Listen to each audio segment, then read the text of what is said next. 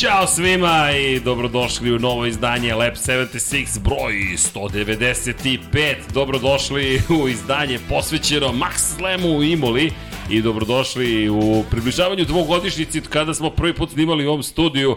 Nadam se da ste dobro i nadam se da ste živi, zdravi, pravi i da ćete se lepo provesti sa nama.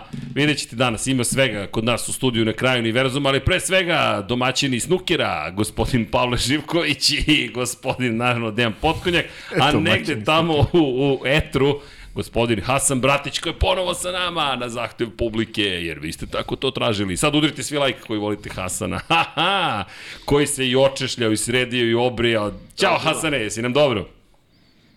Odlično. Nema, ozbiljno se dolazi u Lab 76. Pozdravi našem gostu u studiju na kraju univerzuma.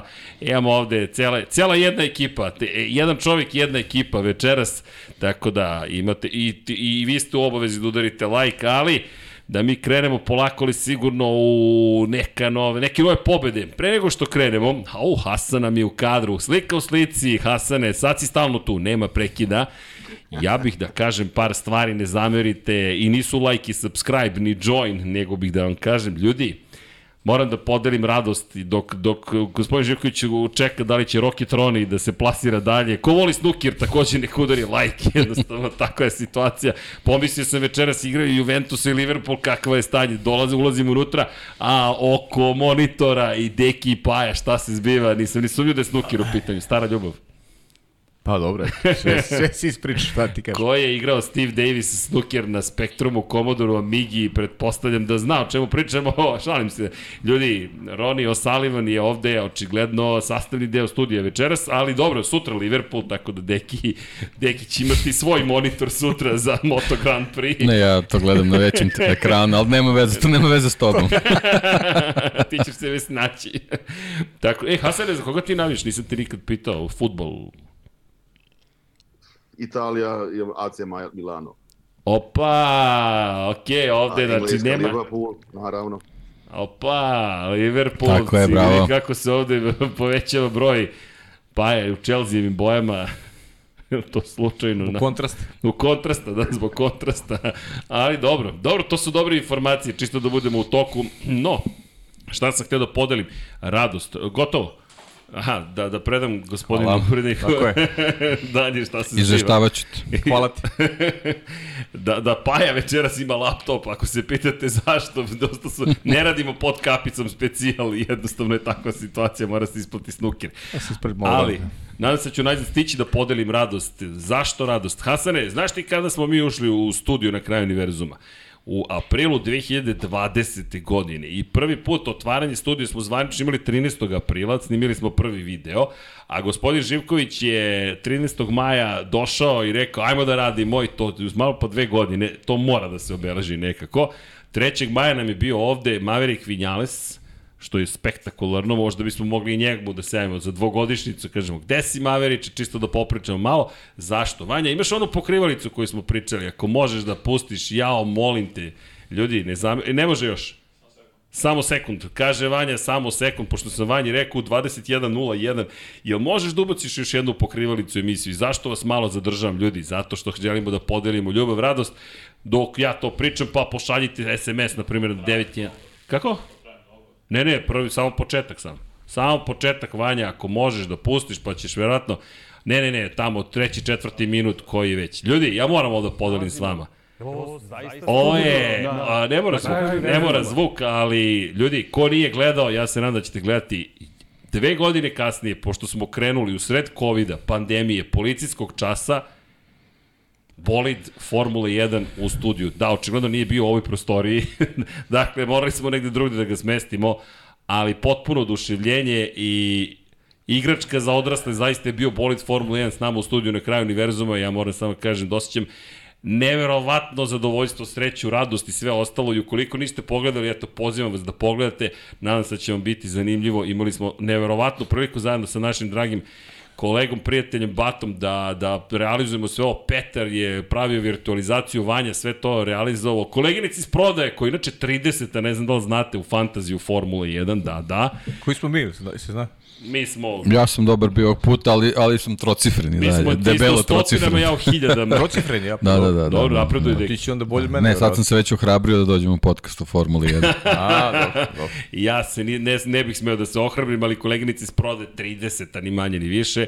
I bila je tu cijela ekipa, Red Bull nam je bukvalno dozvolio da dobijemo bolid na, na jedan dan i mi smo to iskoristili. Jeste da je bio dvostruki vikend, pa nismo mogli ceo dan da provedemo uz bolid, pošto smo bili u kabini, ali vaj nam se nekdo u hipersvemiru izgubio umeđu vremenu, ali Nisam mogu da nađem.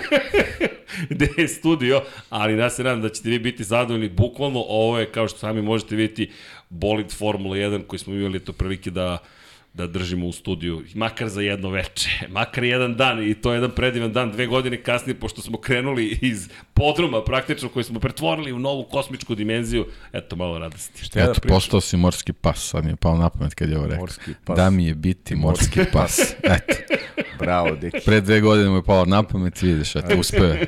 Uspeo je. Ne, ne, ne, uspeli smo. Dakle, ovo se ništa ne bi desilo da svi zajedno nismo radili i da vi niste ludilo Ma sve je okej, podržali, ali ti si ono, super skroman uvek, ali... Jes, pa dobro, takav je, voli tako da bude skoro. Srđan Erceg vuče sve ljudi, to morate da znate. Hvala, deki. Dobro. Ne, sad mi je neprijatno. Meni je ovde Ali bilo to je- super u studiju, lepo sam sada. se šetao, razgledao bolid, ma da, uživancija. Vidio sam malo, malo se gledao, da. moram priznati da još nisam, a, a, moram da odvojim vreme da to pažljivo onako oslušam dva majstora koja pričaju o formuli. Hvala. Zaista, da, Ali stvarno, pa ne, ne, stvarno, potrudili ne, smo se zaista da uradimo. Jeste da je Deki gledao Liverpool, ali, Da, pa dobro. ali ja sam se raspričao, baš čudno, ali dobro, da, da, čudno. pa, pa, da, ali bilo je stvarno fenomenalno, i bilo. To je Ja sam uživao iz prvog reda, tako da bolje nije moglo. Ja, svega svačeg smo se setili, moram ti priznam, kad smo počeli da pričamo šta je počelo da pada na pamet, rekao, wow, ohoho. Da, Hasane, ako nisi pogledao specijal, bar udari like, ovo ono, baci pogled. Ti si okružen bolidima svaki dan i tebi je to nekako svakodnevnica, mi smo okruženi na drugi način, ali sad smo ga imali u studiju, tako da je to bila zaista redka prilika i privilegija, pošto timovi Formula 1 nije baš da ti tek tako daju, pa to jeste kompanija Red Bull, nije Red Bull Racing, ali bez obzira, bilo je zaista impresivno. Tako da eto, odatle sam htio da krenem. Ljudi, što da vam kažem, verujte u svoja ludila, u svoje strasti, ponekada da, ne možemo baš sve da uradimo, ko zna od čega smo sve mi odustali, od toga da budem centar u NBA ligi svakako, dakle neke stvari baš ne možemo koliko god da želimo da učinimo, ali neke stvari su i tekako moguće. Ta, pa eto, poruka jeste verujte u sebe i gurajte. Još ako imate ovako dobru ekipu sa sobom i imate divne prijatelje kao što su svi ljudi ovde, pa lakše je svakako. Pa kao i gospodin Hasan Bratić koji nas podržava i svojim prisustvom večeras. I prošli put ti nismo dali, kažu da dođeš do reči. Hasane, izvoli. Sve u redu, sve u redu, samo da slušam. bez brige. bez Hasani, ne brini, nećemo ti dati ni ovog puta.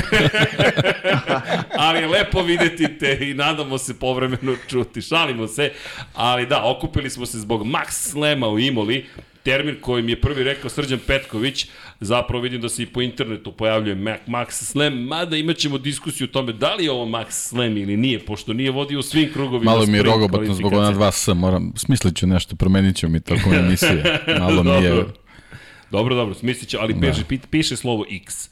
Znaš, to, Ne, ne, okej, ali kad se izgovara malo mi onako podlogu gubi, malo mi klizi, mora Klizi to u da bude, turbulentnom mora vazduhu. čvršće da bude, da, da, da. u da. turbulentnom vazduhu, ali Hasane, bio si na trci u Imoli, završi se četvrta trka ovogodišnjeg šampionata sveta i dođe smo u situaciju da na Ferrarijevom tlu Ferrari baš nije prošao onako kako su se radali navijači, naprotiv, kao što je gospodin Pavle Živković najavio, Red Bull dominacija na kraju, dvostruka pobjeda prva posle šest godina, Max Verstappen u šampionskom maniru, rekao bih, Čeko Perez, ministar odbrane, ponovo potvrdio svoju, rekao bih, poziciju u toj vladi Red Bulla, Ferrari na kraju nije bio na pobedničkom postolju posle greške Charles Leclerca, na trećem mestu fantastični Lando Norris, Carlos Sainz, pehovi, greške u kvalifikacijama, proći ćemo kroz sve, ali ceo vikend zapravo na kraju, kao što si Paju na- najavio, uz novitete koje je doneo Red Bull, obeležen zapravo triumfom Maxa Verstappena, druga pobjeda u četiri trke,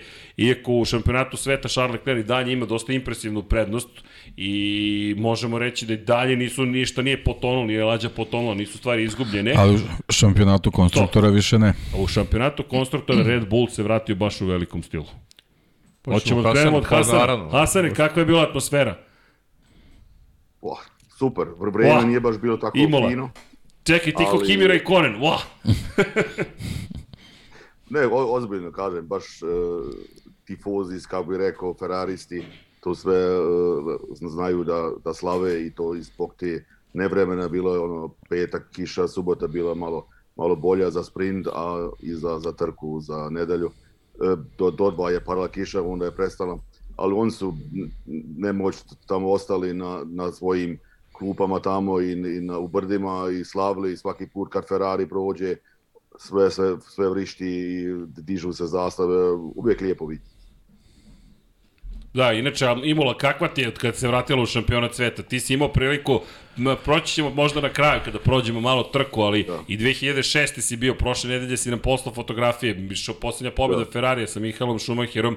Kakva je atmosfera tad bila, kakva je bila danas, to je tokom ovog vikenda pre dva Pa dana? m- malo drugačija, mislim, e, kad, kad se vidiš, e, kad je Šumar išao, ipak to su bile neke vel, velike pobjede koje je on e, uradio i svi su bili tu oko, okolo bilo više gledovaca na, na um, okolo nego, nego što je ne bilo na stazi što je moglo doći. I to je bilo ludilo, moralo se doći u šest na stazi da bi, da bi mo- mogao proći kroz saobraćaj. A prije 11 na večer nisi mogao ići jer, jer če- čekaju do ponoć pred uh, onim kapijama da, da nekoga ugledaju, da dobiju nek, neki autogram ili tako. A, a Dobro, malo su se- vraća, naravno, Dobro. ta atmosfera, zato što je Ferrari sad ove godine dobro, a, a i pro, pro, prošle godine nije bilo bez, sa, sa gledovacima, pa, pa ne, ne može se nekako mjeriti onda. Da, dobro, ovo je prvi put da si imao priliku zaista pred punim tribinama da, da novu Imolu posetiš. Da, tačno. Ali Lepo. kažem ti, um, mislim, ono, staza je, staza je dobra, to, to, tu nema šta, ide gore, dole, brda, e, imaju dobre krivine, ima e, te, ta atmosfera za nas, za slikanje, za ti kadare, e, za drvećima i, i, i šumom. A, i, i ljudi uvijek je fina u pozadini ako imaš pun, puno gledovaca nego, nego, nego prazne tribine naravno za sliku. Lepo, ali dobro, generalno, aha, poslao si nam i fotografiju, Andrej i ti zajedno. Smem ovo da, Da. prikažem. Pa da, naravno, zato. Naravno, Vanja, šaljem ti jednu fotografiju. Znaš kakvi su? Fair and Loating in Imola. Otprilike su takve naučare. Ovo je fantastično.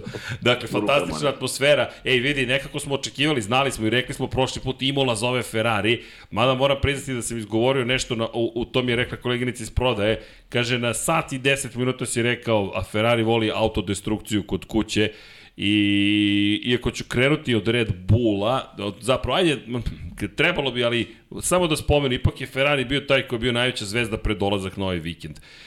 Carlos Sainz, ljudi, Charles Leclerc. Hoćemo od Carlosa Sainza prvo da krenemo ili Charles Leclerca? Šta vi kažete? Pa od Charles Leclerca ćemo krenuti, zato što je on, on i dalje Šampionat. lider u šampionatu ima ubedljivu prednost, tako da mislim da je realno da krenemo od njega. Najavljivao si da postoji da čekamo prvu grešku ove sezone i ovo je prva da kažemo veća greška koju je napravio u 2022. godini u poteri za drugom pozicijom i Serhijom Perezom u glavnoj trci. Okrenuo se na kraju šesti. Pa dobro, i mora ti priznat da, da za mene to nije neko, ne znam sad kakvo iznenađenje, jer pa sve ono što pričamo i tokom ranijih nedelja, momak koji je prvi put u ovakvoj ulozi. Prvi put ima moćan bolid u rukama i prvi put se bori za, za šampionsku titulu. On, ono što je mene onako stavlja me, da kažem, negde sa, sa zadrškom gledam na te rezultate s početka godine je činjenica da da, da ne možemo baš da kažemo da je on izlačio maksimum iz Ferrarija koji je vozio tokom prethodnih godina, da je bilo je tu grešaka, potkadale su i greške, E, e, nije bio jednostavno stabilan u nekim situacijama e, u kojima je mogao da pokaže i drugo lice. E sada, tri trke je odradio fenomenalno, nije napravio nijednu grešku, ljudski je negde da se, da se greška podkrade u situaciji kada imaš veliko očekivanja javnosti italijanske, pa očekuju od samog sebe da, da taj rezultat bude dobar. Pritom on je napravio dve greške. On je on imao loš start, izgubio pozicije na startu i onda je bio primoran da juri konstantno, konstantno Red Bull i onda se ta, ta greška u finišu trke kada je Ferrari povukao iz mog ugla dobar potez na, na prelazak na meke gume, to onaj plan D kojima su pričali tokom trke i naravno jedna greška koja je mogla da čak bude onako i mnogo skuplja. Na kraju on izvukao stvari sa tim šestim mestom, nije mogao, nije mogao bolje, ali mislim da ćemo ovakve situacije da gledamo tokom tokom sezone. To je to iskustvo koje je Max imao u odnosu na Charles Leclerc. Sad pričamo o dvojici vozača koji negde figuriraju kao najozbiljniji kandidati da osvoje šampionsku titulu. Max je prošao neke stvari, sad vidim neka pitanja, Max nije grešio. Pa da, grešio je, ali Max je, Max je možda malo ranije počeo, malo ranije dobio u ruke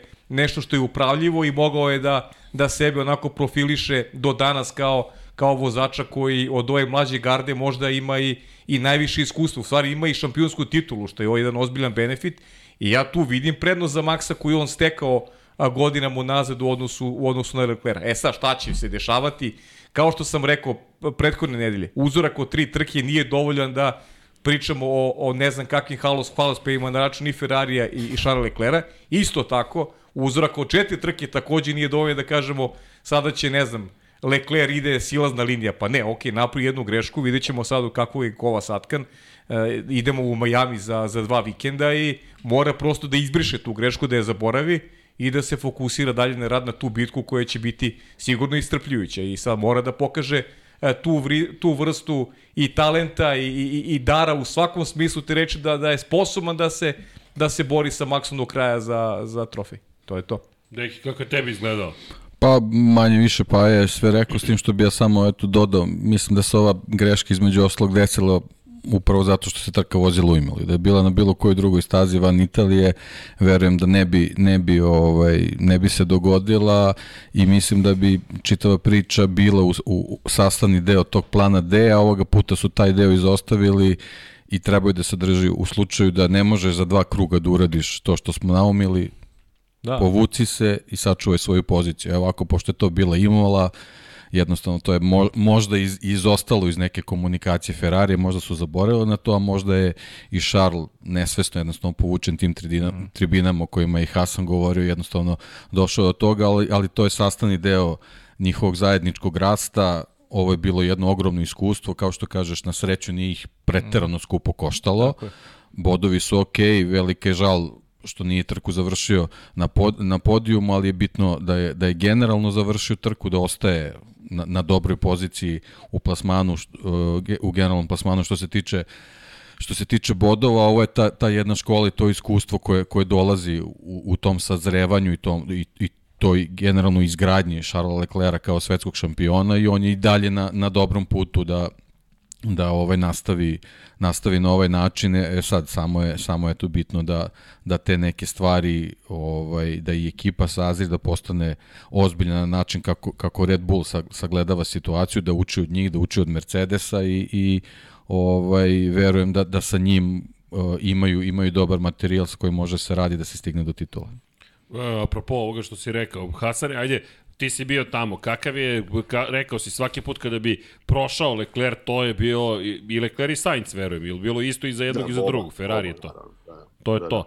Da, A Leclerc, kada je ono što smo videli scene na kraju trke, zapravo, on se izvinjavao publici praktično, on se popeo na zid kada se trka završila. To, jesmo to dobro uočili, pošto je to već prenos bio završen. Da, da, to je, posle toga izašao je na, na pit wall, i svi, svakome je onda mahao, jel, na, na kraju trke su otvorili sva vrata, pa, su, pa je narod kao u Monci ošao, e, smio na, na start finish e, da dođu i on se tu slavili i na kraju on je naravno tamo došao i tako se izvinjavao, ali on nis, nisu žviždali ništa, to je sve aplodiralo, to je sve vikalo, Charles, Charles i tako, to je bilo dobra publika. Ma ne, on je, on je njihova prava zvezda, nema tu šta. Da. Ovo je tvoja da. fotografija, da. samo da je potpišemo da kogod da bude gledao i buduće pokolenja znaju da je Hasan Bratić fotografisao. Inače, hvala ti milioniti put za fotografije, ali ovo je scena koja zapravo pokazuje šta su oni imali mogli da dožive. Dakle, ti dolaziš na stazu Encu i Dino Ferrari 16 godina, pošto je Mihael Schumacher tamo slavio poslednji put s Ferrarijem, I to jeste neka vrsta pritiska, ali moram reći da da ne vidim tra tragediju neku u ovome što se desilo. Dakle, ono što je Deki rekao, sačuvao je poene, osvojio je 8 bodova, hvala Vanja, Vanja uvek profi. Dakle, ovo je pogled na tribine, kiša, nema veze što pada ili ne pada, ljudi će biti tu i ti za ove ljude si došao takođe da voziš, nije to lako. Ako postoji velik pritisak u Formulu 1, ako postoji naj... velik, to je boriš se za titul. Ako nije postoji najveći... Nije osvoje 15 bodova tog vikenda. Da, ukupno 15, nego u toj trci samo, u, u, to, to sam mislio. Dakle, 8, no. šestom pozicijom, mogao je još 7 pride da osvoji. A ova slika je generalno dokaz šta, šta jak Ferrari znači Formula 1. Da. Ovo je ono što to je ono što, što šampionatu treba, da. Jeste. I bukvalno su potrebni. Pričat ćemo i o problemima u Mercedesu, gde su i oni nestali, jer bi bilo lepo i oni da se vrate u igru, pogotovo Lewis Hamilton koji je imao težak vikend, a ovo je ta scena, dakle Charles Leclerc koji prolazi pored tribina, Imola Grand Prix, Ovo je verovatno subota, pretpostavljam, ne znam, ali pogledajte blato tamo u pozadini, ali ljudi neće odustati, to je neki što ti kažeš. Nedelja. To je nedelja ipak. Da, ja, A, to, to je nedelja pre nego što je počela glavna trka, verovatno. Da, da. Sjajno. I naravno, publika je tu. Ne, nema, nema mrdanja. A čekaj, šta je ovo? Ajde, kad smo već ovde, je li to ona čuvena kuća gde se gleda i navija Rivaca. za Ferrari? Kako? To je u Ravaci, je li tako? Ravaci 1 i 2. Da, to je prva Rivaca. Da, da. I to je pogled milion dolara vredan. Sediš i gledaš kako proleće. Znaš me zanima da li naplaćaju ulaznicu. do, do, dobar turizam to može da bude.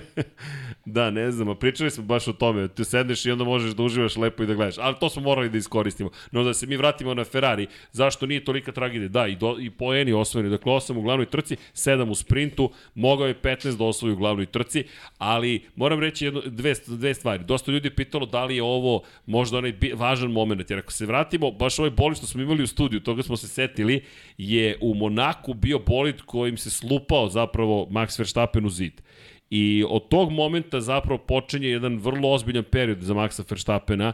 To je moment kada ga je pobedio Daniel Ricardo, osvojio pol poziciju, pobedio u Monaku, druga pobeda te sezone za, za konkretno Daniela Ricarda i za Red Bull. Međutim, od tog momenta Ricardo se više nije jednom nije popeo u Red Bullu na pobedničko postavljanje. zato i kažem da, da nije znaš, mali uzorak da sad pričamo, ok, jedna greška, ljudski je grešiti. Ali ovo Bitno može da, da bude pozitivno. Ali tako je, ali i, i smo pričali smo da Sainz da može da bude pozitivno pa je napravio ponovo grešku. To su sada te stvari gde, Čekamo. gde čovjek mora sam sa sobom da se izbori, da, znaš, mnogo je važno da zaboraviš greške.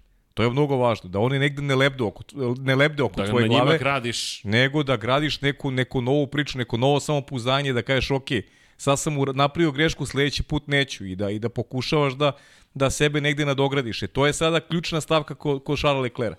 Niko ne kaže da će ovo se dešava. Možda Charles neće do kraja napravi više nijednu grešku. Možda ovo I baš to, to što onda, mu bilo potrebno. To će onda biti potvrda da je da je to to, da je, Leclerc, da je Verstappen dobio pravog rivala, da i Hamilton ima pravog rivala u Lecleru, jer više nema izgovora, uh, nikad nije imao takav bolid.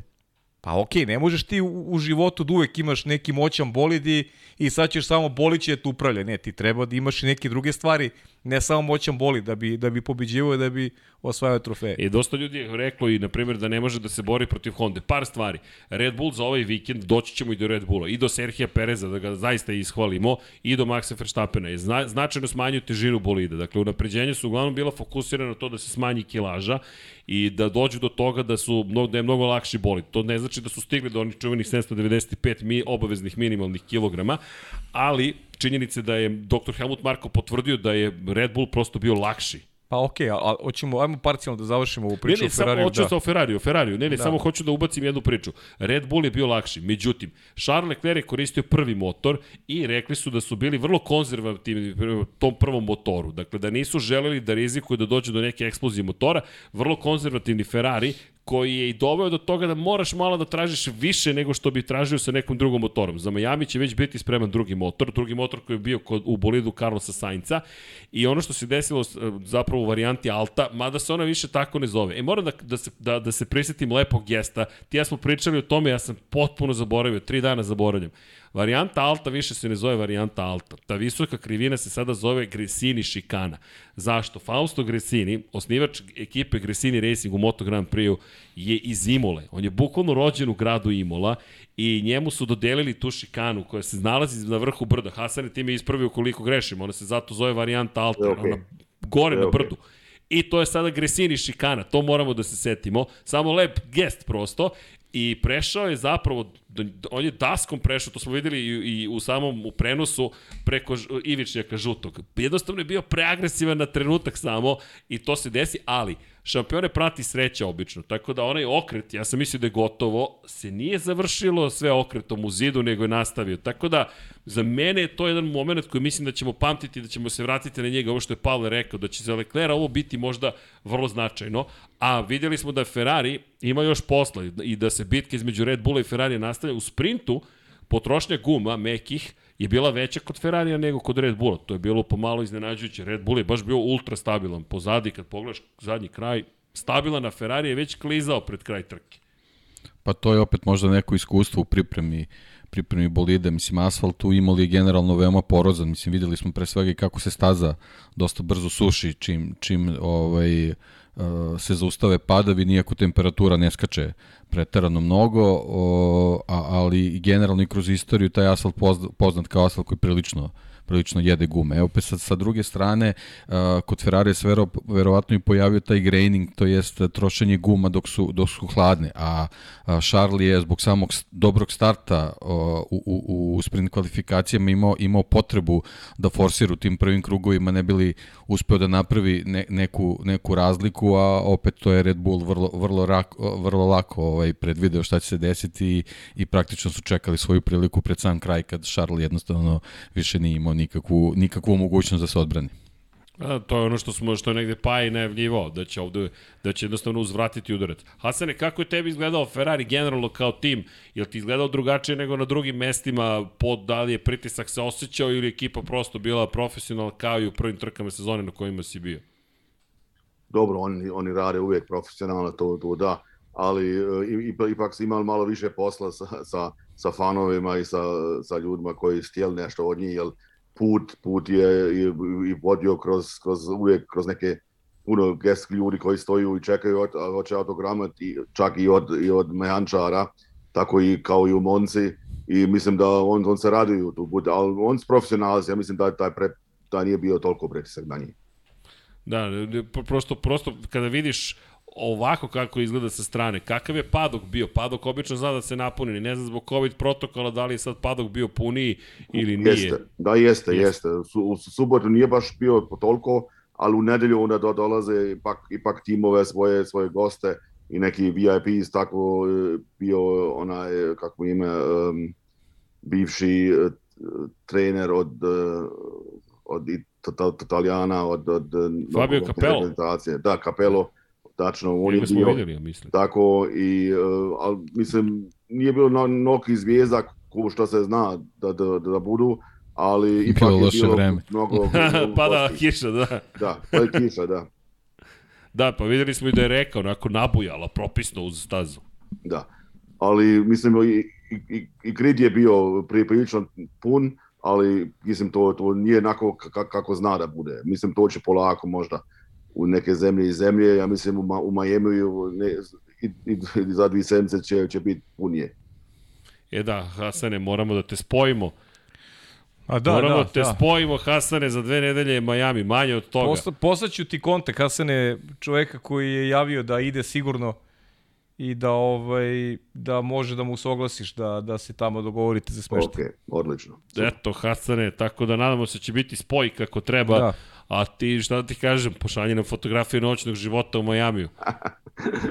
Ako imamo čisto, vremena na to. Da, da, čisto da vidi. Pa dobro, to je profesionalno, ni, niš, ja samo o tome razmišljam. tačno, tačno. Jednostavno da vidimo, znaš, kako će to da izgleda možda nekad u budućnosti. Uz muziku Vila Smitha. da. dobro, ima razne muzike. Bad Spring boys, Break bad je bio, boys. pa kasno smo za Spring Break. Da, da, dobro, polako, ali, ali čisto da, eto, pripremi nam Floridu da vidimo mi kako to izgleda. Možda i mi da svratimo sledeće godine. Ali u svakom slučaju dobro, nije neka drama bila za Ferrari cijela ova priča, jednostavno uobičajen vikend manje više. Da. Ne možemo da pričamo sad o tome da je bilo toliko puno, ne. pa drama da se odjednom osetilo i na samoj stazi. Da. Dobro, to, to se svelo na vozače. A što se tiče Carlosa Sainca, ljudi, pošto smo krenuli od Ferrarija, šta ćemo sa Carlosom Saincom? Da, daš ko je meni, meni najbolja slika koja je sad malo stavlja u drugi plan uh, to što radio Carlos Sainz na stazi. Moment kada se okreće Leclerc i onda Sainzova reakcija. I ti vidiš jednu iskrenu reakciju čoveka koji, koji je onako pod stresom bio usled, usled incidenta Leclera i vidiš koliko je Carlos Sainz u stvari jako dobar uh, za saradnju i ne, neko, neko ko pravi stvarno dobru konekciju sa, sa kolegama i to je nešto što je ozbiljan ulog. Mislim da sam tada prvi put video koliko onako na pravi način koliko je on momak zahvalan za svaku ekipu. I, I to je jedan benefit Ferrarija sad nevezano za njegovu grešku. Mislim da on malo ne može da napravi neki balans između onoga što je realno i što, što sam može. On je jedan vrlo pouzdan vozač, ali opet ima sada u rukama nešto što je, što je moćni Ferrari i, i nekako i realno da ga kao neko ko je trkač, ko je sportista, ko želi najbolji mogući rezultat da ga da ga to povuče i da i da jednostavno ne uspe ovo posljednje posljednje dva trkačka vikenda da da pronađe neko neko eto neki balans, baš sam mislim upotrebio i i pravu reč. A inače je iz moje perspektive Sainz je odličan drugi vozač i i to je nešto Ferrari rekao bih treba da da postavi kao model. Evidentno je Leclerc brži, evidentno je Leclerc taj ko ima koji ima veći potencijal i ukoliko Ferrari uspe to da uskladi, ukoliko i Sainz prihvati neke ovaj sam sa sobom prihvati ono što je njegov ulog, u krajnjem slučaju dobio je dvogodišnji ugovor, Ferrari od Carlosa Sainza zaista može da dobije dobije mnogo upravo zbog te reakcije, jer ne sjećam se da sam video da, da neki vozač, timski kolega, toliko iskreno jer to je kamera ga odmah uhvatila po znacima navoda, toliko iskreno uh, reaguje emotivno zbog toga što je njegov timski kolega doživeo pek na stazi.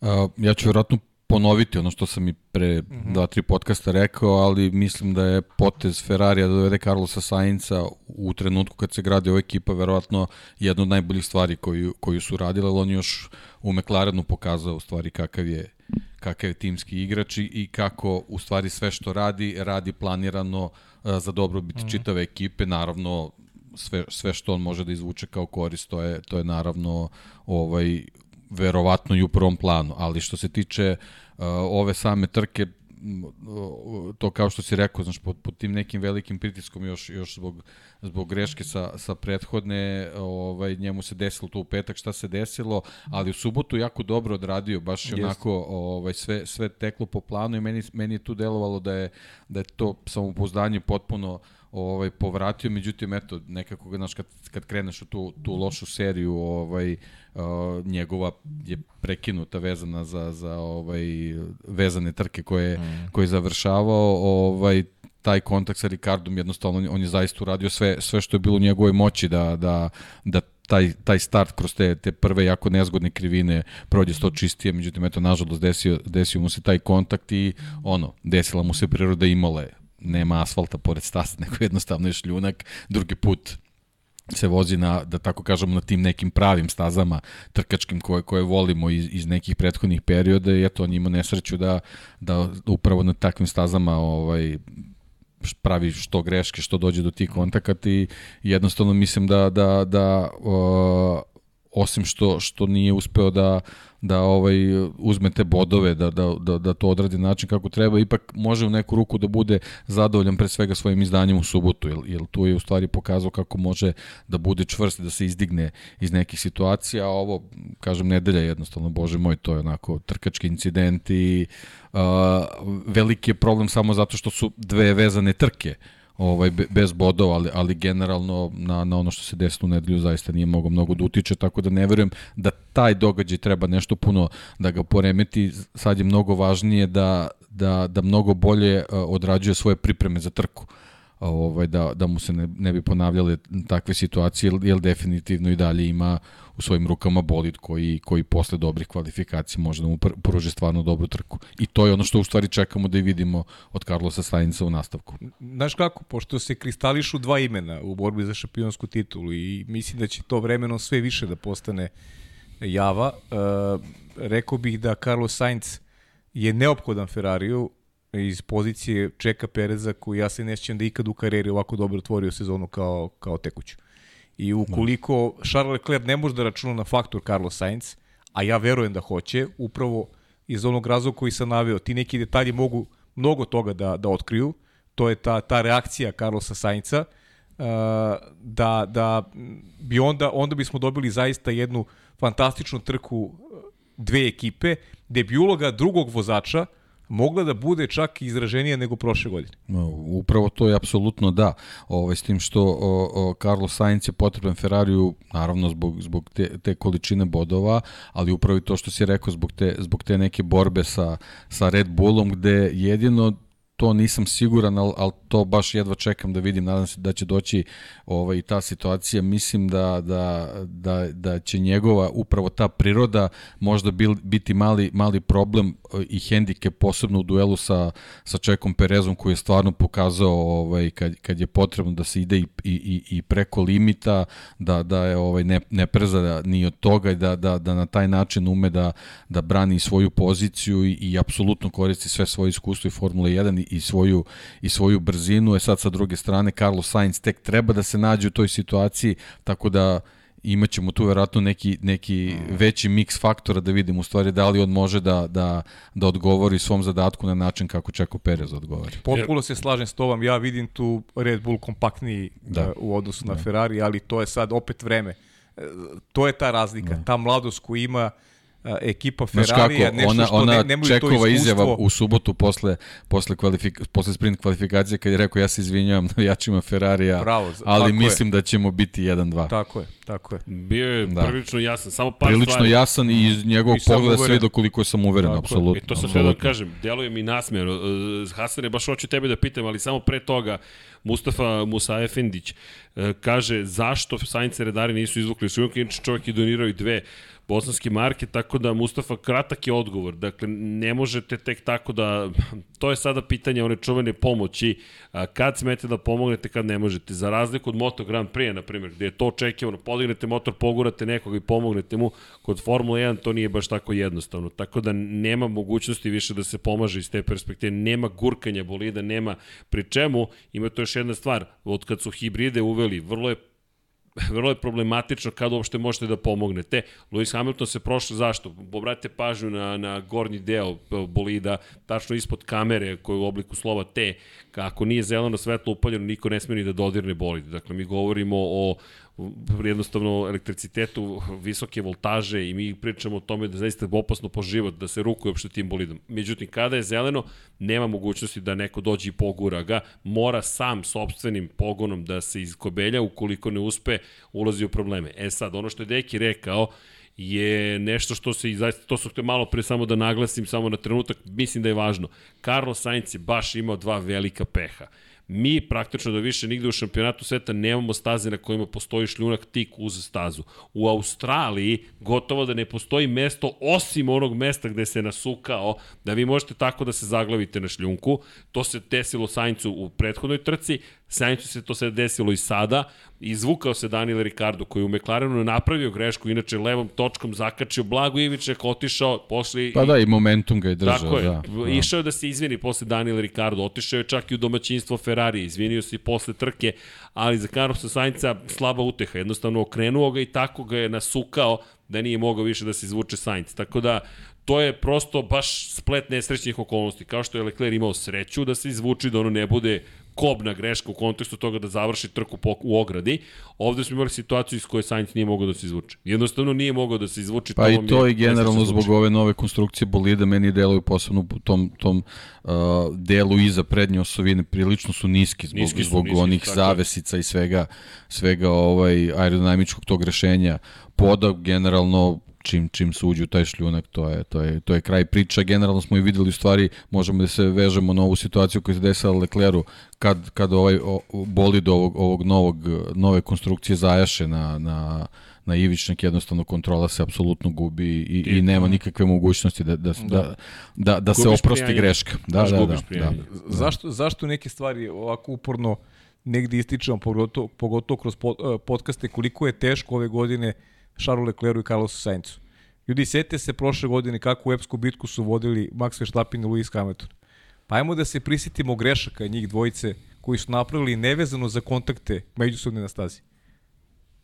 Možemo da ih, pa ja, ja, ja se, evo ja se iskreno sad i ne sjećam da kažem neke greške Maxa Verstappen i Lewisa Hamiltona, a pričamo o uzorku od 22 trke. Borite za titul. I koliko svaka greška može da bude kritična u, kada imate za rivala ili Maxa ili Luisa. Koliko su to vozači koji Tako. su već onako profilisani šampioni u krajnjem slučaju i ti sada dolaziš na teren šampiona, kakav god, kako god vozilo da imaš, ti si na terenu šampiona jer i sam težiš tome da postane šampion. I to uopšte nije lak posao.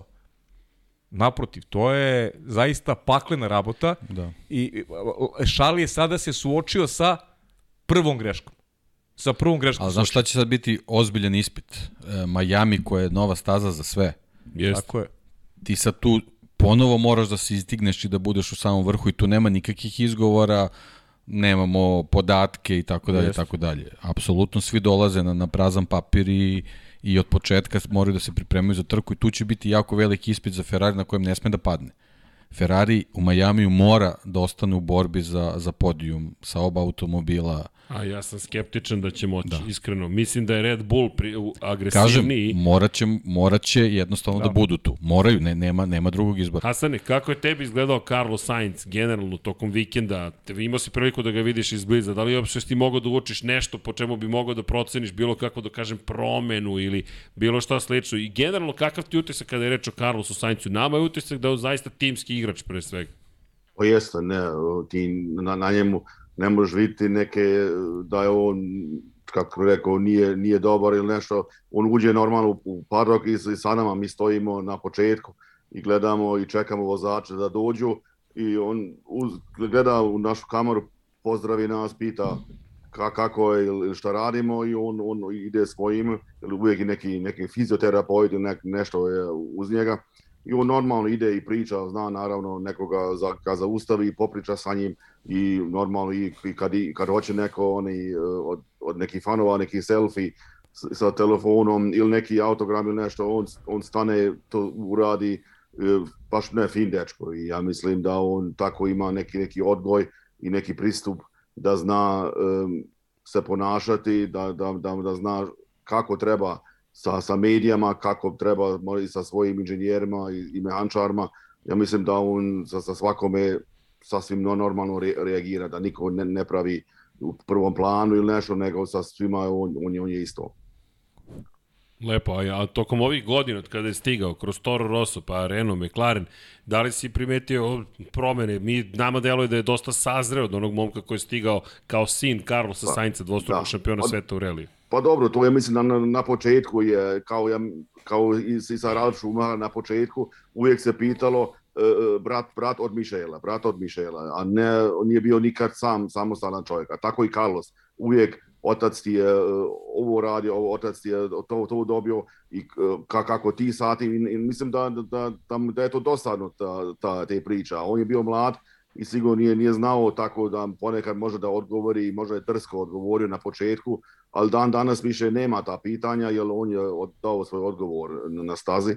Ja mislim da on zreo čovjek i zna ipak za ponašati, inače ja mislim da i ne bi, ne bi Ferrari mu, mu dao još dvije godine.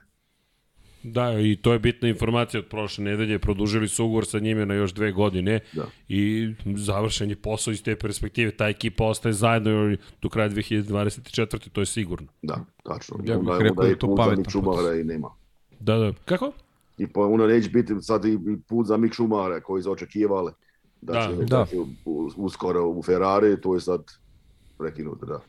Da, Ferrari je jasno rekao šta, zapravo koga želi i na čemu zasniva svoju ekipu. Da. Meni je to bilo vrlo, hajde da kažeš, ne samo mudro, nego važna informacija i Saincu i nama, da ovaj Ferrari ide na stabilnost, da ide na to da dugoročno hoće da izgradi jedan vrlo ozbiljan tim.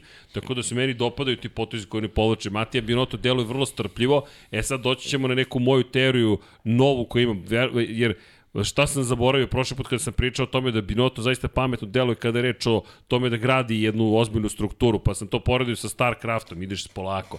Ali s druge strane, Red Bull meni deluje kao vrlo agresivna ekipa, to stalno pričamo, njihova filozofija agresivnosti i sad, da li je ovo pravi potez ili je Ferrari možda propustio priliku sada već neke stvari da uradi, nije kasno naravno, nego dozvoljavaš Red Bull i Maxu Verstappenu pa i Sergio Perezu da se vrate u igru, Prvi put da je Red Bull od 2016. zabeležio dvostruku pobedu, još od Malezije 2016. kada je pobedio Verstappen na poziciji broj 2 bio Daniel Ricardo. Gde sada idemo? Da, da, da li sad u Majami odjednom se nastavlja agresivni Red Bull, o kome, eto, nismo još ni stigli da pričamo, a pričat ćemo, ali Ferrari zaslužuje pažnju, s obzirom činjenicu da tako otvorio sezonu, ili Ferrari bi trebalo možda da kaže, čekaj, kasno će biti u Barceloni ili, ili ovo pravi put, jer Ferrari već koristi drugi motor kod Leclera, drugi motor kod Carlosa Sainca, nisu oštećeni oni prvi motori, ali mi smo tek u petoj trci sezone, oni su već krenuli u tom smeru, a pričali su o tome da nema potrebe za nekim ozbiljnim unapređenjima.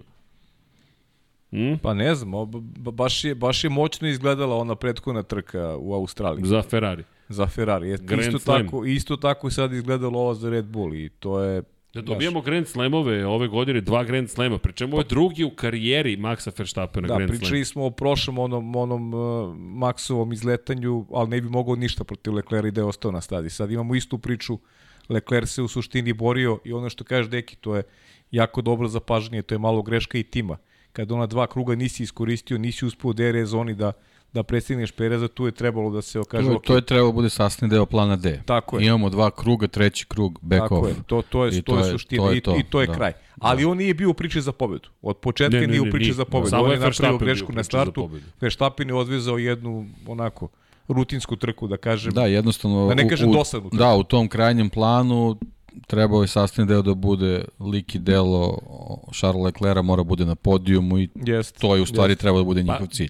Pa, Ali, ok, kažemo, to je, to je jednostavno taj proces da. u kojem se oni nalaze i, i, i to je potpuno ok. A opet, s ove druge strane, što, što je Srđan rekao vezano za, za agresivnost Red Bulla, oni jednostavno tako funkcionišu.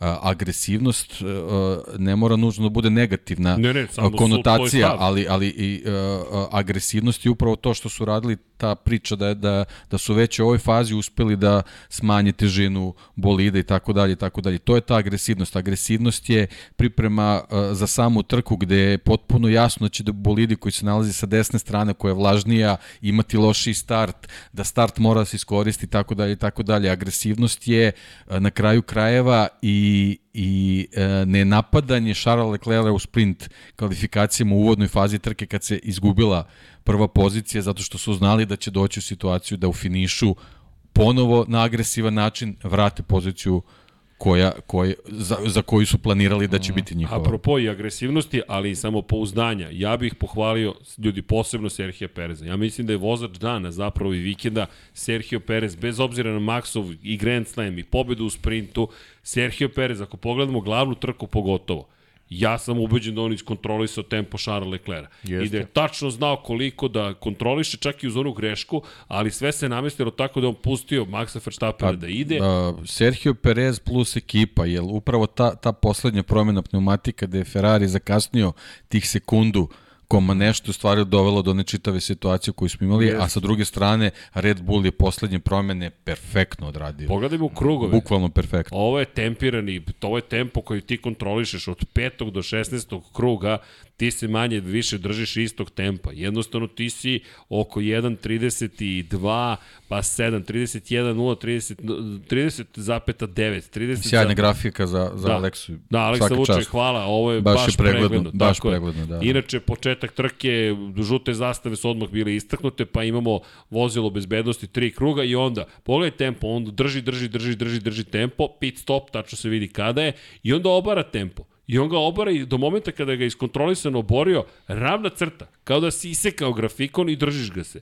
I to je to, 1, 28, 28, 26, 27, 28, 21, 3, to je, dakle, jedna greška, 26, 24, 27 i onda reakcija na Leclerov pit stop i ti voziš najbolji lični krug 1.18, 9, 4, 9 u prvom sledećem krugu fantastični Sergio Perez. 52. krug, meni, ja stalno se vraćam na Juan Pablo Montoju, eksperta za hladne gume, to je nevratno što je u Champ Caru radio i na ovom grafikonu smo videli ministar odbrane baš je doktorirao to, tu, tu, tu titul. Da, četiri trke zaista fenomenalne. Ne, mo, ne može zarez da se nađe na, na, na četiri trke koje je odradio. U svakom pogledu. Kvalifikacije, nema greške. Kao, kao što je, i, i ono što sam rekao i tokom prenosa, ja se nećem kad je, kad je Perez ovako dobro ovako. otvorio bilo koju sezonu u karijeri.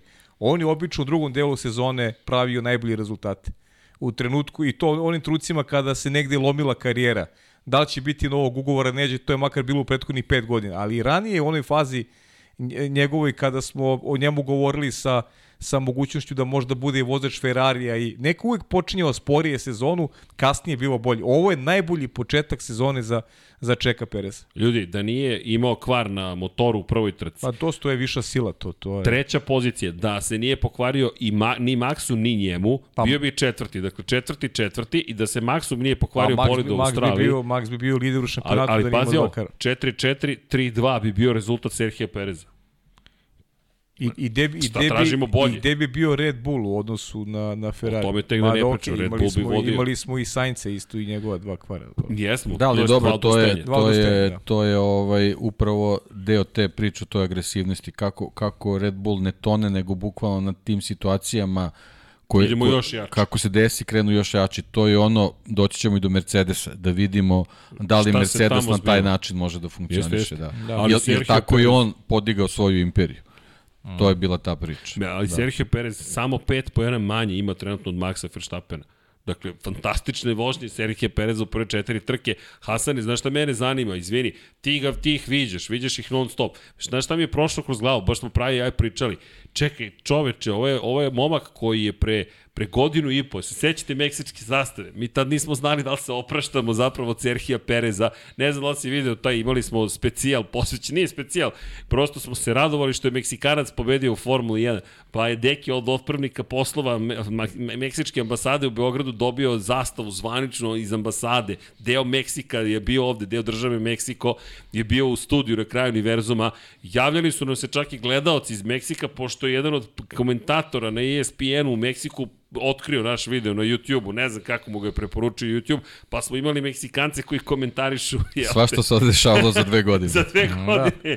Svega je ovde bilo, ali šta hoću da ti kažem, u tom momentu mi se opraštamo od Pereza. On nema ugovor, ni sa kim nema ugovor, počinje nešto da se trača, možda će u Red Bull, on pobeđuje tad sa Racing Pointom, on dobije ugovor sa Red Bullom i onda to onako krenulo je traljavo pomalo, imao je prošle godine dobre kvalifikacije, imali bio bolji od Maxa, I ove godine, kako tebi on izgleda za ovih godinu i po? Meni on deluje kao da nikad srećni nije bio, pretpostavljam, znaš, ovako vidimo sa strane. Kako tebi izgleda taj, taj tih 18 meseci za Serhije Pereza? Dobro, on- je in- inače uvijek eh, fin dečko, on eh, uvijek kad, kad, kad nas vidi isto stane, eh, popriča, pozdravi i tako, ali mislim da je, da je on, kad, kad je dobio taj ugovor, naravno, da je na početku imao ipak neki pritisak. I ja mislim da, da se to i vidlo i nije mogao sa tim autom nekako da, da, da, da, da dobije kako treba, da, da se napravi da, da on da to zna voziti kako treba. Ali ja mislim da je u zadnje vrijeme i na, narečno i ove godine da je, da je, da je njemu na, najbolji taj, taj bolid legne i ja mislim da, da, da će i do, do kraja biti tako jak. Jer on se bukvalno igrao sa, sa, sa Leclercom. Mi smo, kad je stajali u, u, u rivaci i kad ide nizbrdo, uvijek se pri- približavao Leclerc, ali, ali onda od toga, od druge rivace pa, pa do Tamburello uopšte nije imao ne, ne- neke šanse da, da se približe i, i sad DRS, bez DRS on je samo radio ono što je morao sa ču, začuvao gume i, uh, i uvijek gledao da, da, da ima taj, da, taj zastoj da, do maksa, da on, da on može ići u boks i, napraviti svoj servis i sve, da, da, da nema nik, nikakvih problema. I to mislim da, da, je, da je uradio super. A šta se priča? Se priča nešto o Perezu u ugovoru, ima li ikakvih, što kažu, tračeva ili silly season još nije počeo, blesava sezona da, još da, nije. Rano je, ra- rano je, Rano to je. još neće, ja mislim tek, tek od, od Spa možda tamo pa, pa Monza to će, to će početi, onda ćemo znati više. To to, na leto. Ja iskreno ti kažem da, se, da sam na mestu Red Bulla, ja bih to rešio u ovoj ranoj fazi. Da, I dao neki kao mir. Ferrari sa Saincom. Bravo, kao Ferrari sa Da, Saincom, Sainz ima neki mir i mislim da. vrlo dobro i on zna Tačno. šta će biti njegov fokus za ovu godinu i ja bih isto radio sa Čekom jer, kažem, nema razloga čoveku koji ima najbolji start u svojoj karijeri, koji očigledno napravi jednu dobru konekciju sa Maxom, njih dvojice imaju imaju dobru Hemija. imaju dobru hemiju i Čeko jako dobro zna gde mu je mesto, jer realno Max je i, i bolji vozač i, i neko ko, ko vodi taj tim, tako da Tako da je tu jako lepo uh, su stvari izbalansirane u Red Bullu i nema razloga da menjaju. To je pobednički Mislim- tim. Mislim, To je pobednički bilo tim. viđeno kad su išli na podijum njih, njih dvojica. Uh, uvijek se pro, pro, proglaša i treći, drugi pa prvi pa su proglašili su Lando, pa. Lando došao, a onda su Pereza, spak se okrenuo, gdje, gdje je Perez, nema nikoga, pa odjednom onda su oba dvojicu i oni su, kažem, ruku ruku su ošli na polju. Tu se ipak vidi da je, da je hemija, da je, da je odlična između njih. E, To, to si baš lepo istakao, Hasan, ima još dva detalja koje bih dodao. Oni su u Le Mans stilu počeli u jednom trenutku da se spuštaju karivaci. Jednostavno vidiš ih kako voze zajedno i pomislio sam polako momci... I, se, i ipak se ste- sećaš ko je tako... To sam teo ti kažem, Ferrari je tako u Silverstonu, Pa pa, da. pa je posle Ali Mercedes ko- koji u bi Monci. odgovorio Koji bi Monci, odgovorio Monci, pa je Mercedes u Monci, pa sam pomislio polako momci, sezona je, nije još vreme za Le Mans stil. Da, ali znaš kako ti kad si na, na stazi koja se slovi za stazu tvog najvećeg rivala, ako dobiješ priliku da to uradiš, to se ne je. propušta. ne Pa, propušta se to se nikako ne propušta. Pazi, ja mislim da i pogotovo- Ferrari video to. Pogotovo smo Ja, rekli da je gledovac to. savršen za, za Ja, Red šta Bull. kažeš, Hasane? Pa gledalac ka- koji su došli dole na, na podijum na stazi, ipak i oni to sigurno vidjeli, pa su kad su njih dvojica došli, ipak bilo malo, malo žvižđenje, sam malo. A ne, ne, to, to pogodi, pogodi to. Dobro, to se nije čulo u prenosu, zvižduci se nisu čuli. Da, da. Ali, Da, da, onda, ali su, okej. onda su proglasili Lando kao njihov, pa su onda konstatirali samo vikali Lando, Lando, Lando i on, i on unutar radio. Tako. Lando najpopularniji Lando je čovek. svačiji. u nedelju. Pa da, da. Lando je, Da. Lando, on deki. Ne, ne, neutralan je, neutralan je. Za sada. Za sada, Nikom da. ne Da, da. smeta u ovom trenutku. Za sada, da, da. jeste. Simpatičan je, sve je u redu, fin mladić, svaka majka bi ga poželela za zeta i tada. Inače, Ko Bajaga. Ko, Ko Bajaga, ko Bajaga. Bajaga Formula 1. Bajaga For, ne znam da li će to, vidi, mnogo ljudi smo videli, inače pozdrav svima gde god da ste, i inače gde god da ste, a ukoliko smo vas sreli tokom ovih par nedelja dok smo se družili sa RB-om 14, dosta je i devojaka bilo i manje više 90% njih koje sam pitao, dobro, za koga navijate? McLaren. Ja kao, pa dobro, ko u McLarenu? Pa kao McLaren čeka i tu je sad izbor je vrlo teže kao Lando ili Daniel. I tako da su vrlo popularni u svim demografskim grupama što kažu, ali dobro, ovde je eto i Italiji, ali dodao bih na taj Le Mans style i još jedna bitna stvar, šta je Čeko rekao kada se završila trka, kada, su, kada, su mu, kada je dobio pitanje, hoćeš se boriti ti za neku pobedu, rekao je polako.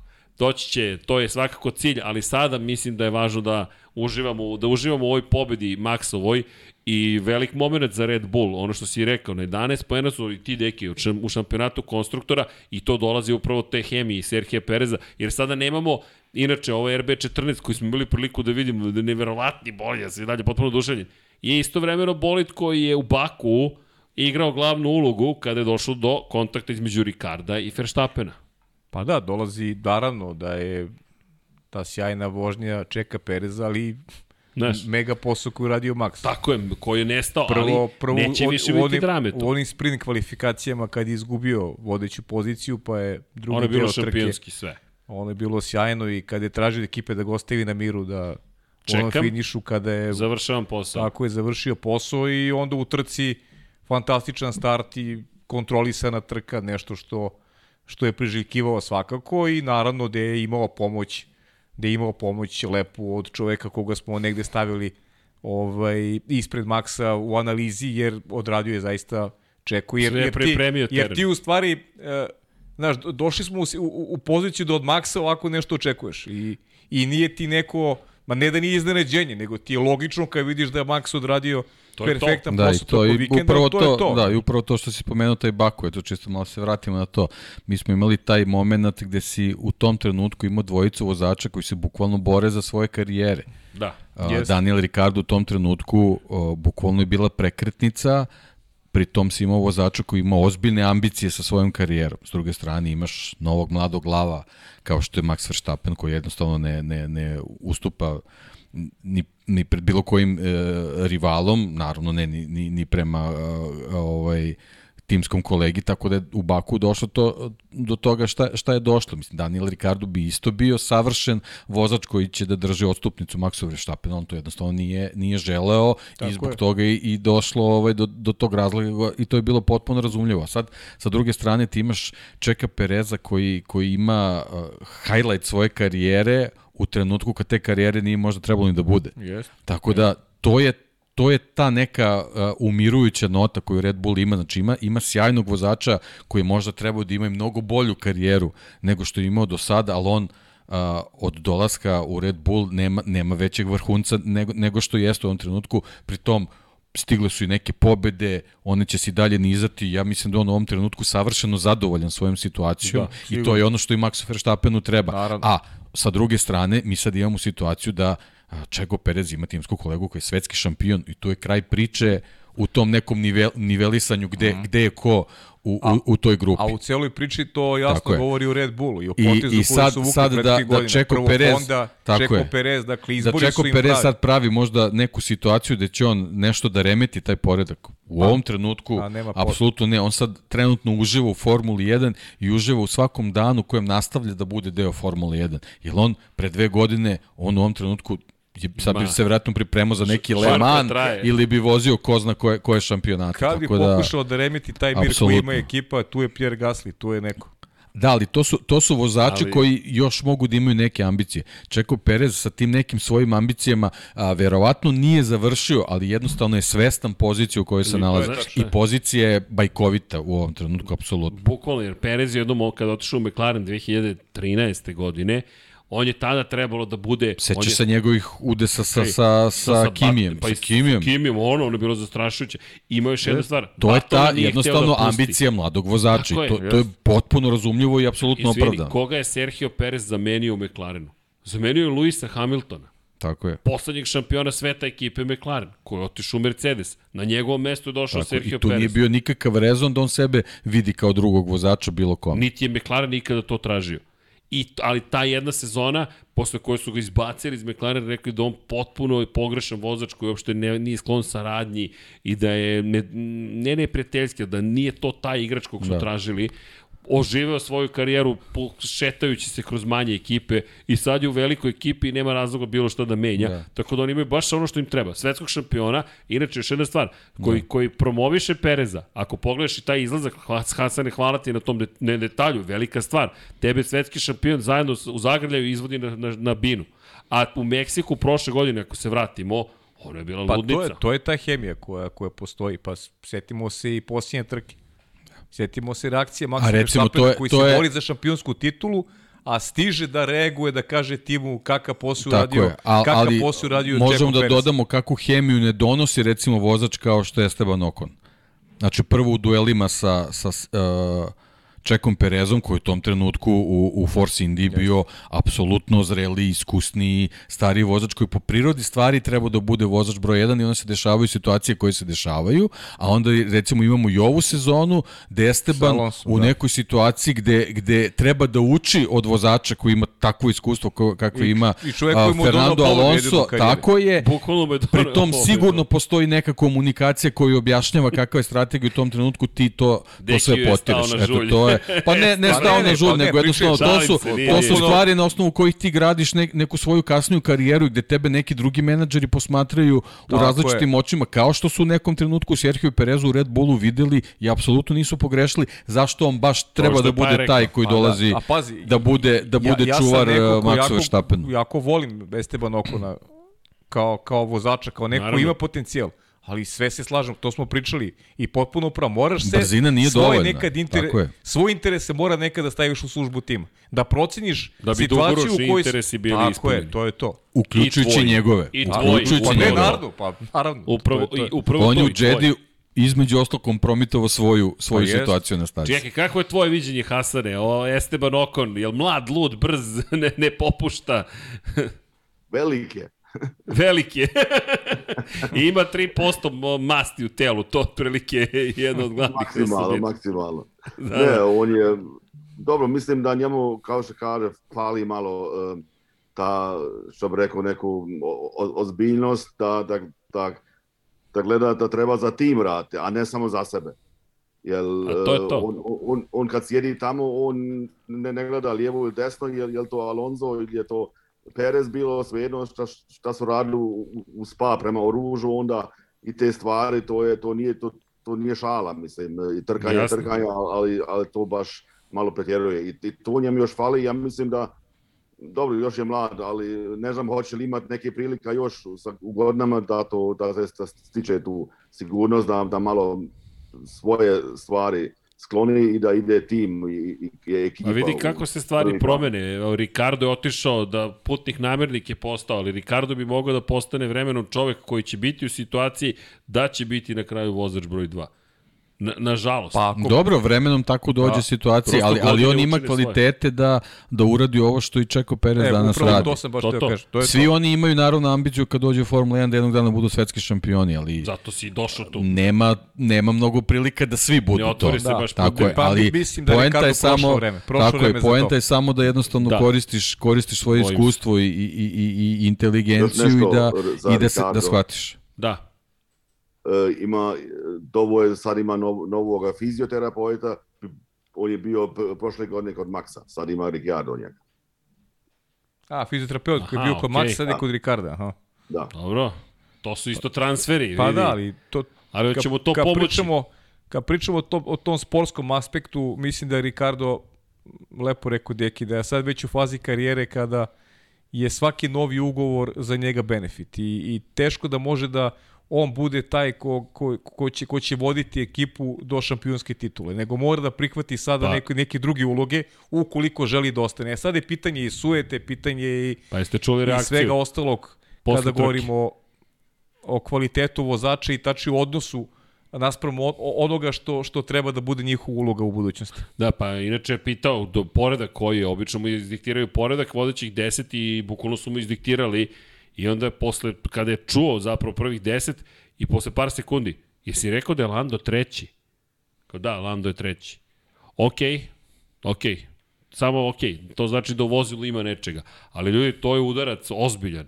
Jednostavno tebe sada mlađi kolega konstantno pobeđuje. Pa dobro, ba da ovde, znaš, on je prošlu trku zaista odradio fenomenalno i, i zajedno sa Landom Martin prošao kroz cilj. Ovo je sad posljedica tog incidenta koji imao sa, sa Carlosom Sainzom, pa možemo da stavljamo u isti Jeste, koš. Jeste, mada on je slažu stvari. Da, ali generalno, bez obzira što, što je procena bila trkački incident, ipak je on on je Jest, taj koji je tu pogrešio nije, nije, nije sporno. i, i on je taj koji je kompromitovao svoju trku, tako da... Pazi, da, da je završio drugi Jasno. on, ispred Landa, Lando je taj ko, za koga se vezuje budućnost McLarena. Absolutno. Da li će Ricardo ostati, to je sad na menadžmentu tima da proceni i na njemu samom da prihvati da je Lando Norris već sada broj 1 u McLarenu. Da, inače, ne, i, i, izvini, ove naravno, moderne kompanije koji se vezuju uz McLaren, vezuju se zbog Landa Norris. Tako je. To smo pričali još prošle sezone, ne, ne, ne vezuju se zbog Daniela Ricardo. Koliko je velika zvezda Landa, Hasane? Pa nije tolika zvijezda, mislim. E, Mladi dobro. još, da. Ipak imaju uh, dosta ljudi koji njega čekaju, ali to je nije, ali nije baš nako da se da, da se slavi, inako ono, baš kao, kao recimo Luis i, i Dobro, od nas je fotografa je, je normalno, kad uđe u pedok, uđe, mislim, slikaš ga i, i dobro, a mislim, ipak kad je Max dođe i, i, i, i Luis, ipak se od, od početka gdje je ušao do, do, do motorholma i ipak ljudi idu za njima i, i fotografiraju ga. Tu, tu kod, kod, kod njega još nije, Možda će biti još, ja nadam Pa Bajega je još mlad zato što on još nije, još nije zvezda u paduku. Da, da. A, ali ljudi, ljudi koji tek trebaju da troše novac da bi išli na, išli na trke uživo, oni su još kod kuće ovaj, 14, gledaju, 15, 16, tako 17, gledaju polako. na ekranu trke, voze, voze simulatore kao i on što, što je vozio i što, kao što vozi i dalje, ali za par godina njegova publika će doći na staze, znači on postati zvezda u padoku. Pa tako kao da, i Max. Što ima vremena za njega, da. da. Max je ušao kao, kao maloletno lice u Formulu 1 Sjeća se Sebastiana Fetela, isto nije, nije se niko za njega interesirao kad je, kad je prvi put došao. Isto to je bio neki novi ok, ali nije ga niko shvatio za ozbiljno. Ja, sad skačeš na Fetela, da. ali ja moram da se vratim ljudi. Hemija, ok, postoji u Ferrariju, hemija postoji u Red Bullu. Šta ćemo ljudi s Mercedesom? George Russell četvrti, Lewis Hamilton 13. Da, priča se da te nastavljaju da testiraju različita krila, različita podešavanja, ali Toto Wolff se izvinio Lewisu Hamiltonu rečima da to što je dobio da upravlja, da je neprihvatljivo za, za čoveka njegovog statuta, sta, statusa zapravo. Evo gledamo malo i brzine tokom kruga u kvalifikacijama Russell Hamilton i razlike koje postoje, ali ono što smo imali priliku da vidimo, razlike neke četiri desetinke u korist Georgea Russella, isti bolid, različita podešavanja, međutim, bez obzira na sve to, Lewis Hamilton je sedmostruki šampion sveta, To je čovjek koji ima 100 pobjeda, pre, preko 100 pobjeda, preko 100 pol pozicija i kakva je situacija u Mercedesu? Videli smo i prve svađe između Luisa Hamiltona i Tota Wolfa i pogotovo ta priča opet, George Russell je nova generacija, ako pogledamo rezultate četvrti, peti, treći, četvrti, Lewis Hamilton treći, deseti, četvrti, trinesti. Napeto. Nema Napeto. više onako ono puno, puno osmijeha u garaži između mehančara, onako što je uvijek bilo, ili, ili kad vozač dođe, stane sa njima malo popriča ili ide na, na pit wall i popriča sa inženjerima, tako to ipak vidi se da, da niko nije, nije zadovoljan sa situacijom, naravno. Ali e, sve je to malo, kako kaže, nije ozbiljna stvar i sasvim, sasvim su ono isto razumeli sigurno da, da nije lako to, to promijeniti na, na bolje. Ima taj budget cap i to sve, treba, ne možeš ti sad, sad ok, ovo, ovo auto ćemo baciti, uzet ćemo novo. To, to više nije moguće, što je možda prije se moglo vratiti. Pa da, inače vodeće tri ekipe i Red Bull i Ferrari i Mercedes su tražili povećanje zapravo budžeta s obzirom na činjenicu da sprint trke mnogo više koštaju, to je logistika ulazi u taj budžet, ali inače su tražili da se poveća broj sprint trka, Međunarodna automobilska federacija je rekla polako. Još uvek Pa ne osladilo se zbog bodova. zbog bodova, mm. tako je, osladilo se zbog bodova, a i s druge strane publika je bila prisutna. Kakvo je bilo stanje kada je reč o sprintu u petak uveče, jel, u, stvari kvalifikacije zapravo, je druga, je bila veća posećenost iz tvoje perspektive sad tokom ovog sprint vikenda?